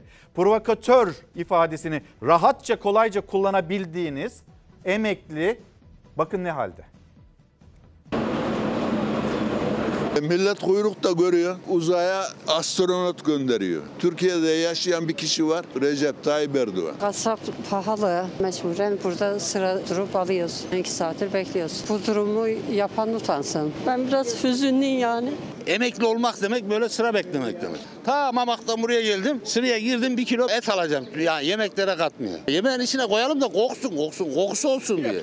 Etin kokusunu unuttuk etin. Ucuz et için et ve süt kurumları önünde saatlerce kuyrukta bekleyen emeklinin sayısı her geçen gün artıyor. Çünkü et fiyatları sürekli zamlanıyor. Karkas ete son bir haftada 3 kez zam geldi. Kilo başına yaklaşık 30 lira artış oldu. Kasaptaki etiketler de değişti. Kilo başına 20 ile 30 arasında karkas ete zam geldi. Tabii ki o da fiyatlarımıza yansıyor. 400'den başlayarak 480'e kadar çıkan kıyma fiyatlarımız var. 70 yaşındayım. Saat 7'de belli buradayım. Alamıyorum kuzum kasaptan ne alayım gücüm yetmiyor. İki tane yetimim var. Bu adamlar kasaptan alabilse bu kuyruk 200 kişi var şu sırada bak. Bu çileyi çekmez adam yağmurun altında. Kasaptan 400 lira 500 lira kıymanın kilosu. Ankara Ulus Halinde dahi bir kasapta kıymanın kilosu 500 liraya dayandı. Kuşbaşı et 465 liraya yükseldi. Et süt kurumundaysa 1 kilo kıymanın fiyatı 229, kuşbaşı etin fiyatı ise 259 lira. Açlık sınırının altında 10 bin lirayla geçinmeye çalışan emekliler için ete ulaşabilecekleri tek adres et ve süt kurumu. Mesela dün geldim ben almadan gittim 115. sıradaydım. Sabah 6'da geldim 60. sıradayım. Düşünün yani. Niye? Yokluktan bir emekli 10 bin lira alıyor. Ben AK Partiliyim, üyeyim ama doğruları söylemek zorundayım. Burada mı ısıtıyorsun? Vallahi ellerimiz ısıtıyorum kızım ne yapayım? Üşüdük sabah 3 saattir bekliyoruz. Ankara'da hava yağmurlu ve soğuk. Ulustaki et ve süt kurumunun önünde ise manzara aynı. Çoğunlukla emeklilerin beklediği ucuz et kuyruğu uzayıp gidiyor. Bu zenginlik kuyruğu 1100 odadan yaşayan kişi diyordu yani 2024 emeklerin yılı olacak. Yılı bu işte. Mecbur geleceğim torunlar var. Torunlara mı et alacaksın? E tabii sen yemeden onlara bölüyorsun. Mecbursun. Kasaptan et almaya gücü yetmeyenler kilometrelerce yol kat edip et ve süt kurumu önünde kuyruğa giriyor ve ete zam geldikçe kuyruk her geçen gün daha da uzuyor. Devlet böyle olmaz ya. Bu kadar insanları bu hale düşürdüler ya. Ne dersiniz? Ekran karşısındaki emeklilerimiz ne söyleyecekler bize? E, dün de Hamza Dağ'ın cümlelerini dinledik. E, Cumhur İttifakı'nın İzmir Büyükşehir Belediye Başkanı adayı kendisi. Dezavantajlı emeklilerimize senelik 10 bin lira para vereceğiz diyor. Hamza Dağ kim o hale getirdi? Emekli ne zaman dezavantajlı hale geldi? Nasıl ve ne zaman asgari ücret karşısında emeklinin maaşı bu kadar elde 10 bin lirayla geçinilir mi? Dul ve yetim aylıklarını söyleyemiyoruz bile. Biz utanıyoruz. Söyleyemiyoruz. Sokakta itiraz ederseniz bir cümle kurarsınız. Ya ne olacak bu su fiyatları? Ne olacak bunlar? Ne olacak bu her şey? Çarşı, pazar, pahalılık dediğinizde ya niye o zaman seçimin sonrasını bekliyorsunuz? Versenize şimdi o etleri dediğinizde provokasyon yapma. İzlediğiniz o kuyruk acaba provokatörlerin kuyruğu mu? Yoksa geçinmek için ya yemeye etin kokusu sinsin diye buradayız diyen emeklinin sesi mi? Siyasetten devam. İyi Parti, İyi Parti'de çıkan kavga. Her şey İyi Parti Genel Başkanı Meral Akşener'in gözleri önünde oldu. Etimeskut ilçe belediye başkan adayımız Hilmi Özer. Aday istedik yapılmadı. AK Parti'nin adam getirildi burada aday yapıldı. Ben de yapılmadı. Teşkilat var. Her şey Meral Akşener'in gözleri önünde oldu. İyi Parti'de kavga koptu.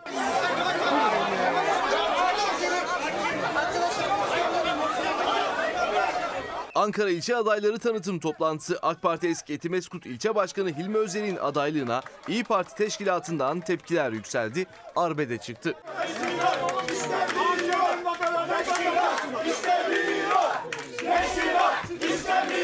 Parti genel merkezinde çıkan tartışma ve partililerin yumruk yumruğa gelmesi Akşener'i çok kızdırdı. Şimdi Sevim rekor kıracak ona eminim ama burada bağıran arkadaşlarımızın da ahlaklarını sizin vicdanınıza bırakıyorum. An itibariyle Toplantıda aday karışıklığı da yaşandı. Sinirler bir de bu yüzden gerildi. İyi Parti Ankara İl Başkanı Yener Yıldırım Akşener'e Çubuk Belediye Başkan adayı olarak ilçe başkanı Halil İbrahim Özdemir'i tanıttı ancak İyi Parti Yerel Yönetimler Başkanı Burak Akburak müdahale etti ve belirlenen adayın Korhan Merki olduğunu söyledi. Olaylı toplantının ardından İl Başkanı Yıldırım görevden alındı. Yerine Akif Serper Önder atandı. Bu arada e, Ankara'da Türkiye İşçi Partisi'nin Ankara Çankaya'da Türkiye İşçi Partisi'nin e, adayı, belediye başkanı adayı İrfan Değirmenci, gazeteci, televizyoncu İrfan Değirmenci bu kararını dün ilan etti. Hem kendisi hem de partisi. Bakalım takip edeceğiz. Başarılar dileyelim kendisine de Ankara Çankaya'da. Şimdi Devam edelim. AK Parti'nin adayı az önce konuştuk konuğumuzda. Şimdi detaylı bir şekilde Cumhurbaşkanı Erdoğan 3 Şubat'ta ne söyledi, 12 Şubat'ta CHP'ye ne söyledi ve e, sahaya sürdüğü e, isimlerden Yusuf Kara Kahraman AK Parti Konya Akşehir Belediye Başkanı adayı. Kendisi acaba daha ne diyecek? Kim ne derse desin. Bizimle beraber yürüyen insanları ayırırız. Hani biz CHP gibi yapmayacağız demişti Cumhurbaşkanı. Biz her yere o hizmeti götüreceğiz demişti. Bakın sokakta sahada kime, seçmene ne söyleniyor? Siyaset herkese hizmet edecek. Ama kendine destek verenleri, iktidar yapanlara daha fazla hizmet edecek. Bize oy verenleri, destek verenleri ayırırız, daha fazla hizmet veririz dedi. Sözlerinin altını da defalarca çizdi. AK Parti'nin Konya Akşehir Belediye Başkan adayı. Bu bizim şiarımız. Kim ne derse desin. Yani genel siyaset, genel yatırım, genel hizmet tamam. Ama bizle beraber yürüyen insanlar da burada ayırırız. Ayrıcalık gösteririz. Bundan emin olun. Merkezi yönetimle yerel yönetim el ele vermezse, dayanışma halinde olmazsa o şehre herhangi bir şey gelmez. Hatay'a geldi mi? Bak şu anda Hatay garip kaldı. Hatay masum kaldı. Siyaset Cumhurbaşkanı Erdoğan'ın bu sözlerini hala tartışıyor. Hatta sadece Hatay'da değil Zonguldak'ta yaptığı açıklamayı da. Bilesiniz ki buranın belediye başkanı Cumhurbaşkanı'nın eli üzerinde olduğu sürece Zonguldak çok daha farklı yere gelecektir. Muhalefetin bu cümlelere eleştirileri sürerken bu kez AK Parti'nin Konya Akşehir Belediye Başkan adayı Yusuf Kahraman'dan tartışma yaratacak bir çıkış geldi. Siyaset herkese hizmet edecek. Ama kendine destek verenleri, iktidar yapanlara daha fazla hizmet edecek. Kahraman kendilerine destek verenleri, onlarla beraber yürüyenleri kayıracaklarını söyledi. Ayrıcalık göstereceğiz, bundan emin olun dedi. Bu bizim şiarımız. Kim ne derse desin. Bundan emin olun. Yusuf Kahraman'ın dili de sürçmedi. Defalarca altını çize çize vurguladı. Tartışma yaratan o sözlerini. Genel siyaset, genel yatırım, genel hizmet tamam. Ama bizle beraber yürüyen insanlar da burada ayırırız. Ayrıcalık gösteririz. Evet bu bir itiraf. Başka şekilde yorumlamakta herhalde mümkün değil. Ne diyeceğiz? Başka ne diyebiliriz? Yani itiraf değil de ne diyeceğiz? Zaten e, Sayın Belediye Başkanı adayı da cümlelerini çok rahat bir şekilde cesurca söylüyor seçmene. E, bize oy verirseniz hizmeti bakın o zaman işte hizmeti görün diyor kendisi. Peki şimdi deprem bölgesine gidelim. Deprem bölgesinde dakikalar önce bir gerginlik yaşandı. Önce Murat Kurum'a yönelen eleştiriler var. Burada bir saha düşünün. Deprem alanı düş, düzeltiyorum. Bir maden alanı düşünün. İki sene önce ceza aldı. Niye? Siyanür sızıntısı nedeniyle. Sonra burada bu bölgede kapasite artırımı mümkün olabildi. ÇED olumlu raporuyla. Yani doğaya herhangi bir zarar yok raporuyla. O dönem Çevre Şehircilik İklim Bakanı kimdi? Murat Kurum'du. Şimdi İstanbul'da çevrecilik üzerinden, yeşil üzerinden Ekrem İmamoğlu'nu hedef alan Murat Kurum'du. Dedi ki o sözler iftira.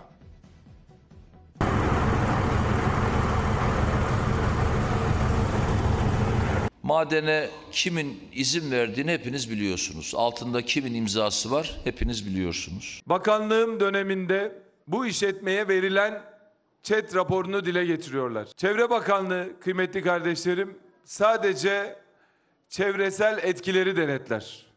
İşletmeye, çevreye, doğaya zarar veriyor mu, vermiyor mu buna bakar. Bakanlığımız döneminde bu işletmenin çevresel etki denetimleri çok sıkı bir şekilde yapıldı. Bugün kimse ama hiç kimse biz para cezası verdik üzerimize düşeni yaptık diyemez. Bu kabul edilemez. 21 Haziran 2022'de işletmeye çevre kanunundaki en üst sınırdan idari para cezası verildi. Bakanlığımızca çevresel etki değerlendirmesi olumlu kararı verilmiş olup halka duyurulması gerekmektedir. Tarih 7 Ekim 2021. Bölge halkının, çevrecilerin, uzmanların tüm uyarılarına, itirazlarına rağmen facianın yaşandığı altın madeninde kapasite artırıldı. O artışın çevreye etkisinin olumlu olacağına dair kararı verense Çevre ve Şehircilik Bakanlığı. O dönem bakanlık koltuğunda Murat Kurum var. Altın madeni faciası ile ilgili ilk kez konuştu. Kapasiteyi biz artırmadık dedi. Ama zaten eleştiriler de o artışın önünü açan ÇED raporuna onay vermesine yönelikti. Bize iftira atanlar şunu da bilirler ki Çevre Bakanlığı işletmenin kapasite artışı kararını vermez. Veremez. Çünkü böyle bir yetkisi yoktur. Sadece ve sadece kapasite artışının çevreye etkisini ölçer. Altında Murat Kurum adına genel müdür imzası taşıyan o kararla kapasite artışının önü ikinci kez açıldı. O artıştan sonra ise iki felaket yaşandı altın madeninde. 2022'de siyanür borusu patladı. Nihai durumda 420 milyon ton e, pasa için ikinci kapasite artırımı yapıldı. Yukarıdan şu borulardan patlıyor. Gelip çalışmayı durdururlar ama sabaha kadar siyanür buradaki dereye akıyor. Verilen cezalar madenden kazanılan paranın yanında tam anlamıyla bir hiçtir. Yarattığı çevre felaketini telafi edecek de hiçbir para yoktur. İşletmenin tüm tedbirleri aldığı bilirkişi raporlarıyla tespit edilince faaliyetine tekrar başladı. Tüm tedbirler alındıysa bu facia neden yaşandı sorusunun yanıtını arıyor sivil toplum örgütleri de. Türk Mühendis ve Mimar Odaları Birliği ihmal iddiasıyla Murat Kurum ve şimdiki Çevre ve Şehircilik Bakanı Mehmet Özaseki hakkında suç duyurusunda bulundu. Mecliste de muhalefet ses yükseltti. Buna ÇED raporu verildi. Bu ÇED raporunu veren ve bakanlık onayladı ve bu bakan da Murat Kurum'du. Bugün İstanbul'u mamur edeceğim diye ortaya çıkan Murat Kurum'dur. Şimdi yeniden sıcak noktadayız. Nav Haber'den Gökhan Mısırlı Akif Balıkçıoğlu bizleri bekliyor. Orada yaşanan gerginlik var. Sebebi neydi? Çıkan arbedenin sebebi neydi? Gökhan Mısırlı anlatacak. Gökhan. İlker Karagöz yeniden facianın olduğu noktadan günaydınlar diyelim. Ee, şöyle artık faciada 3. gün yaşanırken bir taraftan 9 işçiyi arama çalışmaları da devam ediyor. Tabii ki ailelerin de bekleyişi devam ediyor. Bekleyiş devam ederken zaman zaman artık ailelerde gerginlik seviyesi de yükselmeye başladı diyebiliriz. Şunun için aileler şunu söylüyor bize. E, bize kimse bilgi vermiyor. Üç gündür buraya geliyoruz, gidiyoruz. Bize hiçbir yetkili bilgi vermiyor. Arama yapılıyor mu? Orada bir çalışma var mı? Herhangi bir ize rastlandı mı? Bunun bilgisini verilmiyor dediler. Sonrasında aileler aslında burada çok gözükmüyordu ama e, bugün sabah ailelerin buraya yoğun bir şekilde geldiğini gördük. Sebebini sorduk. İçeri giren birkaç aile. Dediler ki saat 9'da valiyle randevumuz var. Bize dün akşam aradılar, valilik bilgi verdi. Saat 9'da her aileden bir kişi gelsin, vali bey toplantı yapacak dediler dedi.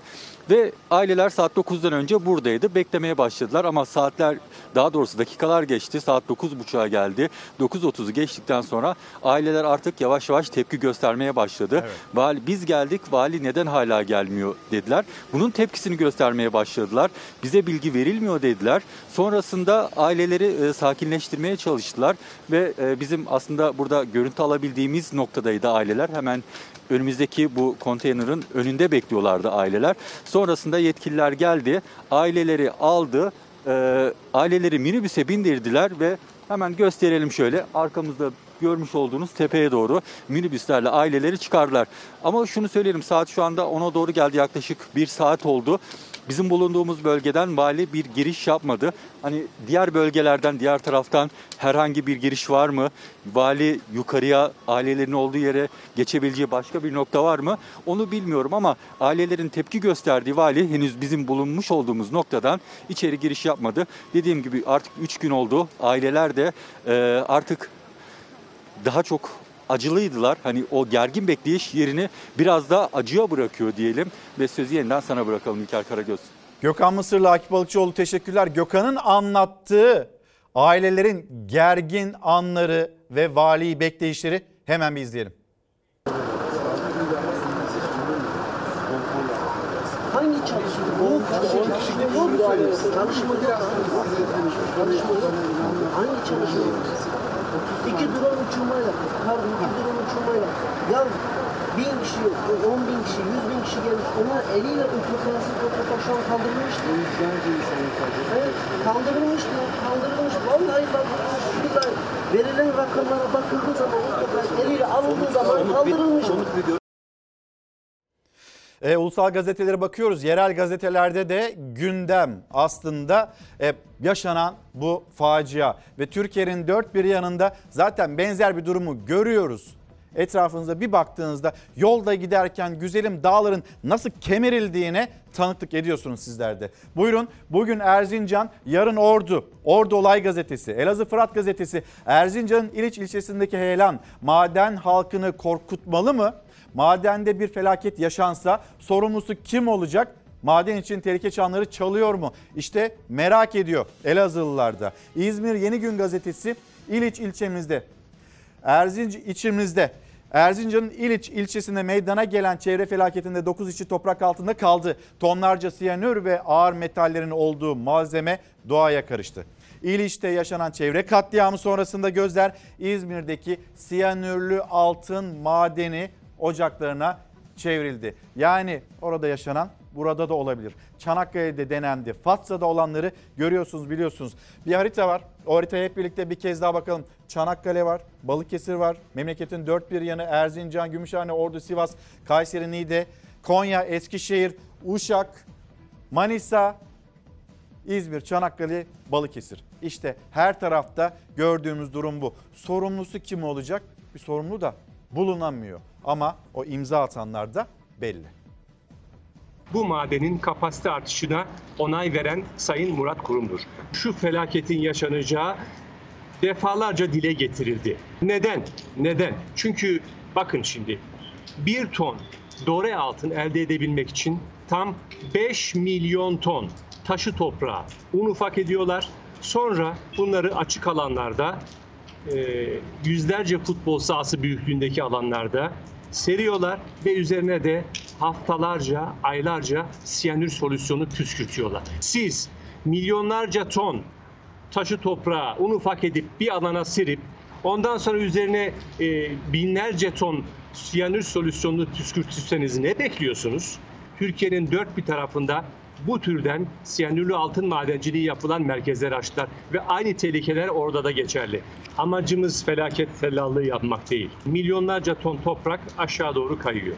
Şimdi bu toprak bildiğiniz toprak değil. Bir önce onun altını çizmek lazım. Ağır metallerle, e, siyanürle ve sülfürik asitle bulanmış bir zehirli çamurdur. Bu türden madencilik aslında buna bir madencilik demiyoruz biz. Bu açık hava kimya fabrikasıdır. Zehir barajı iki katına yükseltildi. İki katından fazla büyütülmek için kapasite artışı yapıldı.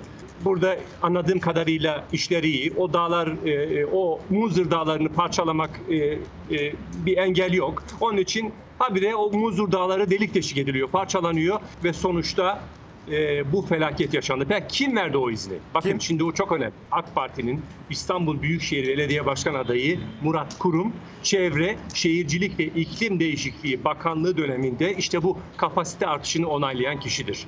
Her şey ortada, her şey kayıtlarda. Bu biline biline bu madenin kapasite artışına onay veren Sayın Murat Kurum'dur.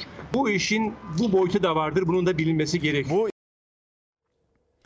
Şimdi bu alana yeniden döneceğiz. Sıcak gelişmeleri olduğu takdirde peki emeklilerimizle devam edelim.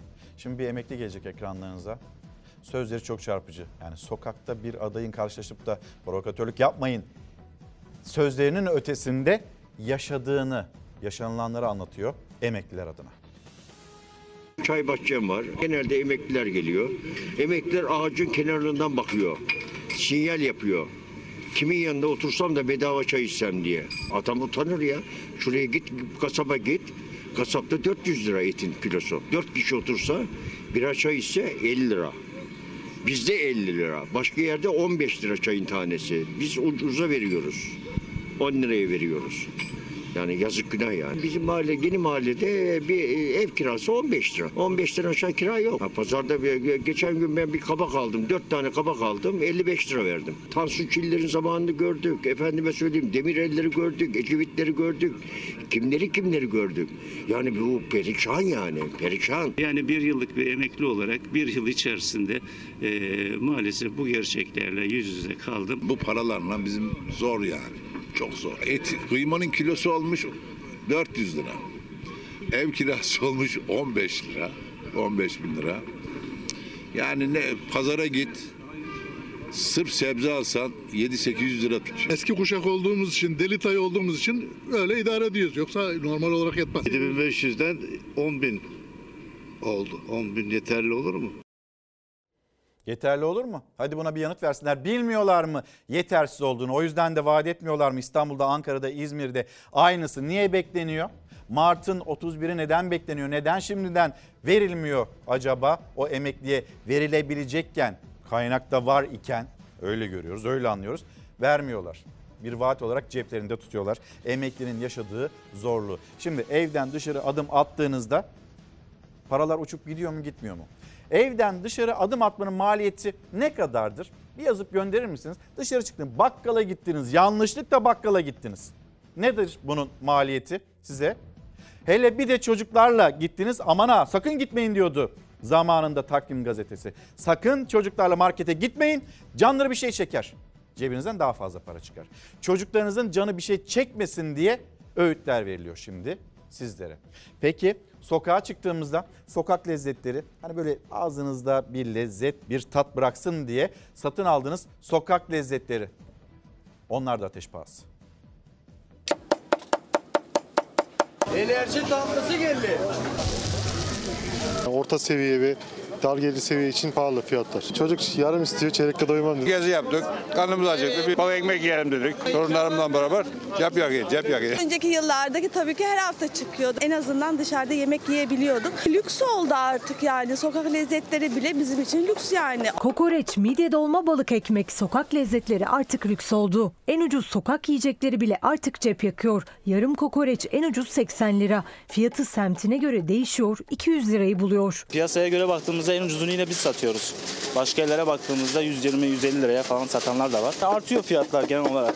Geçen yıl ne kadardı? Geçen yıl sanırsam 50 liraydı. Bu sene de işte 80 lira oldu. Canı çekti. Eminönü'ne geldik. Bugün yemek istedik kokoreç. Niyetim yoktu ama çocuk ısrar edince yine bir 200-250 TL gider. 3 çocuğum var. Hanım ben çıksak gelsek hepimiz 5 kişiyiz. Zorlamaz desek yalan. En sevilen sokak lezzetlerinden biri kokoreç ancak bu yıl fiyatları çok yüksek. Geçen yıl yarım ekmek fiyatına bu yıl çeyrek alınabiliyor. Bütçemizden kısarak çocuk kokoreç istedi. Sadece onu alacağız o kadar. Çocuk her şeyi istiyor. Bizim çocuk genelde kokoreç, midye. Şimdi eskisi gibi alamıyoruz. İki tane yiyor adam bütçesine göre. Geçen sene bazen iki arkadaş gelirdi, yarış yaparlardı. Kişi başı 100 tane yerdi, 150 tane yerlerdi. Fiyat sormazlardı. Yerlerdi, yerlerdi. Sevenlerinin saymadan yediği sokak lezzeti midye dolma şimdilerde bir iki tane tüketilebiliyor. Tanesi artık en az 6 lira. Geçen sene fiyatı 2 lira olan ürün bu sene 6 lira. Yine en çok sevilen, keyifle yenen sokak lezzetlerinden midye. Geçen yıl bu tabağın fiyatı 20 lirayken bu yılki fiyatı 60 lira. Ben midyeyi çok severim. Çok da tüketirdim. Dim demek zorundayım. Fiyatlardan dolayı artık yiyemiyoruz. 50-60 tane tek başıma yiyebiliyorken şu an yiyemiyorum yani. Fiyatlardan dolayı çok uzak kaldık yani artık. Geçen yıl 90 TL'ydi. Şu anda 125 TL. Yanında içecek içecek saymıyoruz. Sadece bir öğün 500 lira. Düşünün yani 4 kişilik bir aileyiz biz. 500 lira sadece balık ekmek. İstanbul denince akla ilk gelen sokak lezzetlerinden balık ekmek, yarım ekmek arasında soğanlı, yeşillikli ızgara balığın fiyatı 125 lira. 4 kişilik bir aile balık ekmek keyfi yapmak isterse sadece balıklar için ödeyeceği rakam 500 lira. Haşlanmış, közlenmiş seçenekleriyle çocukların favori sokak lezzeti mısır 30 lira. Kışın vazgeçilmezi kestanenin ise 100 gramı 60 lira. Simit bile 15 lira. 4 kişi için o da 60 lira. 500 liran gidiyor. Basit bir yemeğe. Eskiden daha ucuz. Şimdi simit bile 15 lira şimdi. Gariban simiti 15 lira. Simit öğün haline geldi. İnsanlar bir simitle karnını doyuruyor. Dışarıda yemek yemek çok artık maliyetli oldu. Memlekette sevmek, memlekette aşık olmak da pahalı. Ortalama 4-5 bin liralık. Kazak olabilir, e, bere tarzı ya da şık bir bileklik o tarz bir şey. Bir parfüm bakmıştım. Şu anda indirimli fiyatı 11 bin 11 bindi. Çiçekle kandırmak istedi herhalde beni. Bugün sabah güller aldı. Dedim olmaz başka bir şeyler de bakmak istiyorum. Şimdi kendisiyle buluşacağız cadde üzerinde. Bakacağım artık. Ne koparırsam artık. İndirimli parfümün fiyatı 11 bin lira. Bir kazak, bir bere 4-5 bin lira. Gün sevgililer günü olunca hediyede sevilenin sevdiği markaların fiyatı önem kazanıyor. Şık bir restoranda sevgililer günü yemeği 2 bin liradan başlıyor. Semte ve restorana göre 10 bin liraya kadar çıkabiliyor. Sevgililer günü hediyesi olarak İstanbul'a tatile gelenlerin harcaması ise 60 bin liraya kadar çıktı. Ne kadar bütçe ayırdın? Ayırdık Aşağı yukarı. 1500-2000 gibi bir şey. Siz ne kadar ayırdınız? Bir hediye var herhalde. Çam sakızı çoban armağanı diyelim. Küçük bir hediye. Ben az ayırdım. 50 euro ayırdım. 50 euro ayırmış. Biz kasa beraber ki bizim 14 Şubat Sevgililer Günü'nde kısa tatiller lüks bir restoranda baş başa romantik bir yemek bu sene bütçeleri biraz daha zorladı. Bir gece konaklamalı Sevgililer Günü tatili 7-10 bin lira, yemekse 5 bin liraya mal oluyor. Biz bugünü 5000'den aşağı kapatmazdık. Artık yemek sadece. Gerçekten iyi kaliteli bir restoranda yemek yemek için bu kadar bir bütçe ayırmamız gerekiyor. Hediyesi de yanında cabası artık. 7000 olmuştur. Yani biz biraz daha makul kalıyoruz açıkçası ama yani herhalde bir 10-15-20 bini bulabilir. Bir gömlek olabilir belki. Sevdiği bir markadan belki bir sweatshirt. Yani 5 ila 10 bin, bin arasında değişir herhalde. Hediye fiyatları değişiyor. Kimi için bütçeyi ilişkinin süresi belirliyor. Ne kadar uzun zamandır çıktığımıza bağlı açıkçası. Eğer böyle hani kısa zamanlı bir şeyse çok bir şeye gerek yok diye düşünüyorum. Kişisine bağlı yani. Nasıl bir insansa ona göre bir şeyler. Ne kadar ayırdınız? Bin lira. bir e, atkı aldım. Siz ne bekliyorsunuz? Var mı beklentiniz? Daha pahalı hediye beklerim. Daha güzel takı olabilir. Severim ben. Sokakta bir adet kırmızı gül 100 lira, kalpli balon 150 lira. İnternet üzerinden bir demet gül göndermenin bedeli ise 550 liradan başlıyor. Çiçekler 100 liradan başlıyor, yükseliyor. Balonlar kaç lira? 150 abla. Falan çok. Öyle böyle. 4-5 tane bir şey sattım. En fazla 6-7 demet falan sattık şu anda. İşler çok bozuk. Çok ufak bir kitapla da bunu yapabilirsiniz. Onun sevdiği bir pastayı da alabilirsiniz. Sevgi parayla da ölçülen bir şey değil en azından. Öyle düşünüyorum. Basın konseyi 37 yaşında susmayacağız.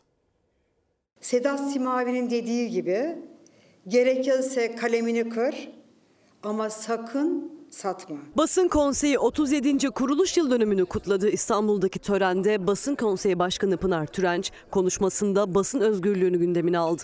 Türk medyasının daha saygın, daha özgür ve medya etiğinin tavizsiz yerleşebilmesi için 40 yılda devam eden çabaların çok önemli olduğunun bilincindeyiz. Basın Konseyi 37. yaşını düzenlenen geceyle kutladı. Medya ve siyaset dünyasından isimlerin katıldığı gecede Başkan Türenç'in ilk mesajı basın özgürlüğüneydi.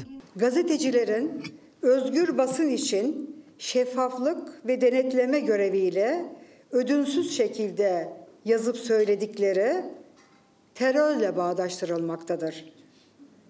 Gece yarısı onlar ev evinden alınıyor ve tutuklanıyor. Gazetecilik korkarak yapılmaz. Susmayacağız derken gazetecilerin de arkalarında güç olduğunu hissetmeleri çok önemlidir. Türenç defalarca tehlikenin dile getirildiği Erzincan'da yaşanan maden faciasına değindi. Herkesin aklını kurcalayan o soruyu sordu. Tüm çıkar ve baskı gruplarına rağmen kabul edilseydi bu hakikat, yapılan suç duyurusuna takipsizlik kararı verilmeseydi, dün Erzincan'da İliç ilçesinde siyanürlü maden faciası yaşanır mıydı? Sormaya, sorgulamaya devam. Fox'ta olduğu gibi Now'da da.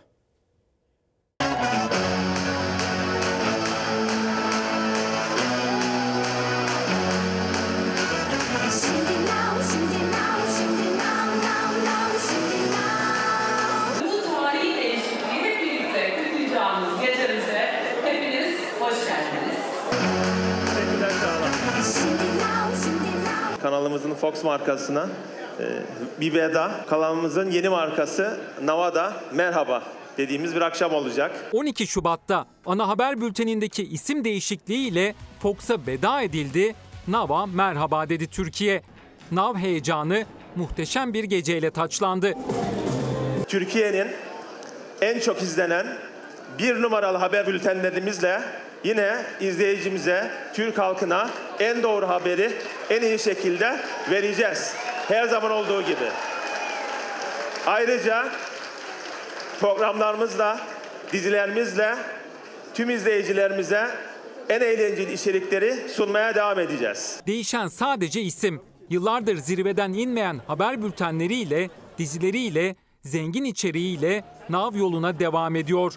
The Walt Disney Company Türkiye Genel Müdürü Cenk Soner de isim değişikliğinin kutlandığı gecede değişimin sadece kanalın logosuyla sınırlı olduğunun altını çizdi. Bu değişim sadece kanalımızın logosunda olacak. Yani markasında olacak. Yayın politikatımızda herhangi bir değişiklik olmayacak. Umarım e, Fox'ta yaptığımız başarıları yeni markamız Navla'da e, çıtayı daha da yükselerek çok daha büyük başarılara im- imza atarız.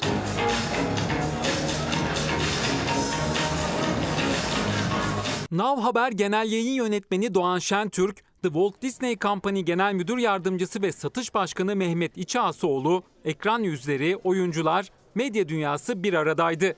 Geceye Zeynep Bastık da şarkılarıyla renk kattı. Bir sana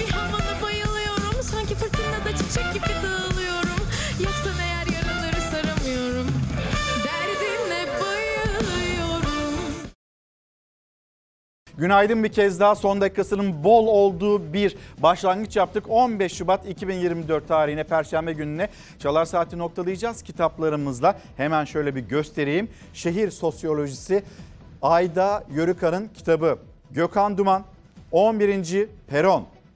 Aşkın Kapısı İkbal Bayrak. Sonra Yiğit Bener'in kitabı Kırılma Noktası. Bu alanda yazılmış ikinci kitap, ikinci çalışma şöyle göstereyim. Ee, Aslan Niksarlı'ya ait Primatların izinde. Burada Neslihan ablanın anlatmasını istediğim bir kitap var. Oraya da geleceğim. Feride Çiçekoğlu, Milföy ve arkadaşları. Acı yoruldu. Serhan Asker, Serhan Asker'in çalışması, deprem bölgesine dair notları, çarpıcı notlar. Pınar Çelikel, Katre, Kalbinin Rotasındaki Kadınlar Melda Davran'ın kitabı ve Neslihan abla. Şimdi bu kitabı da hemen sen bize anlatır mısın? Tabii. İşitme engelli bir arkadaşımız e, Atatürk'ün hayatıyla ilgili çalışmasını yapmış. Ama burada e, önemli olan nokta işaret diliyle anlatımı da var QR sistemiyle. O kiyoru da şöyle göstermiş olayım. Evet şurada E, ve çok güzel bir çalışma. İşitme engellinin hazırlaması daha da enteresan ve güzel olan. Peki teşekkür ederiz. Şimdi kapatıyoruz, noktalıyoruz. Yarın sabah saatler 8'i gösterdiğinde buradayız. Anlatacağız Türkiye'nin gündemini, dünyanın gündemini, sizin, bizim yaşadıklarımızı.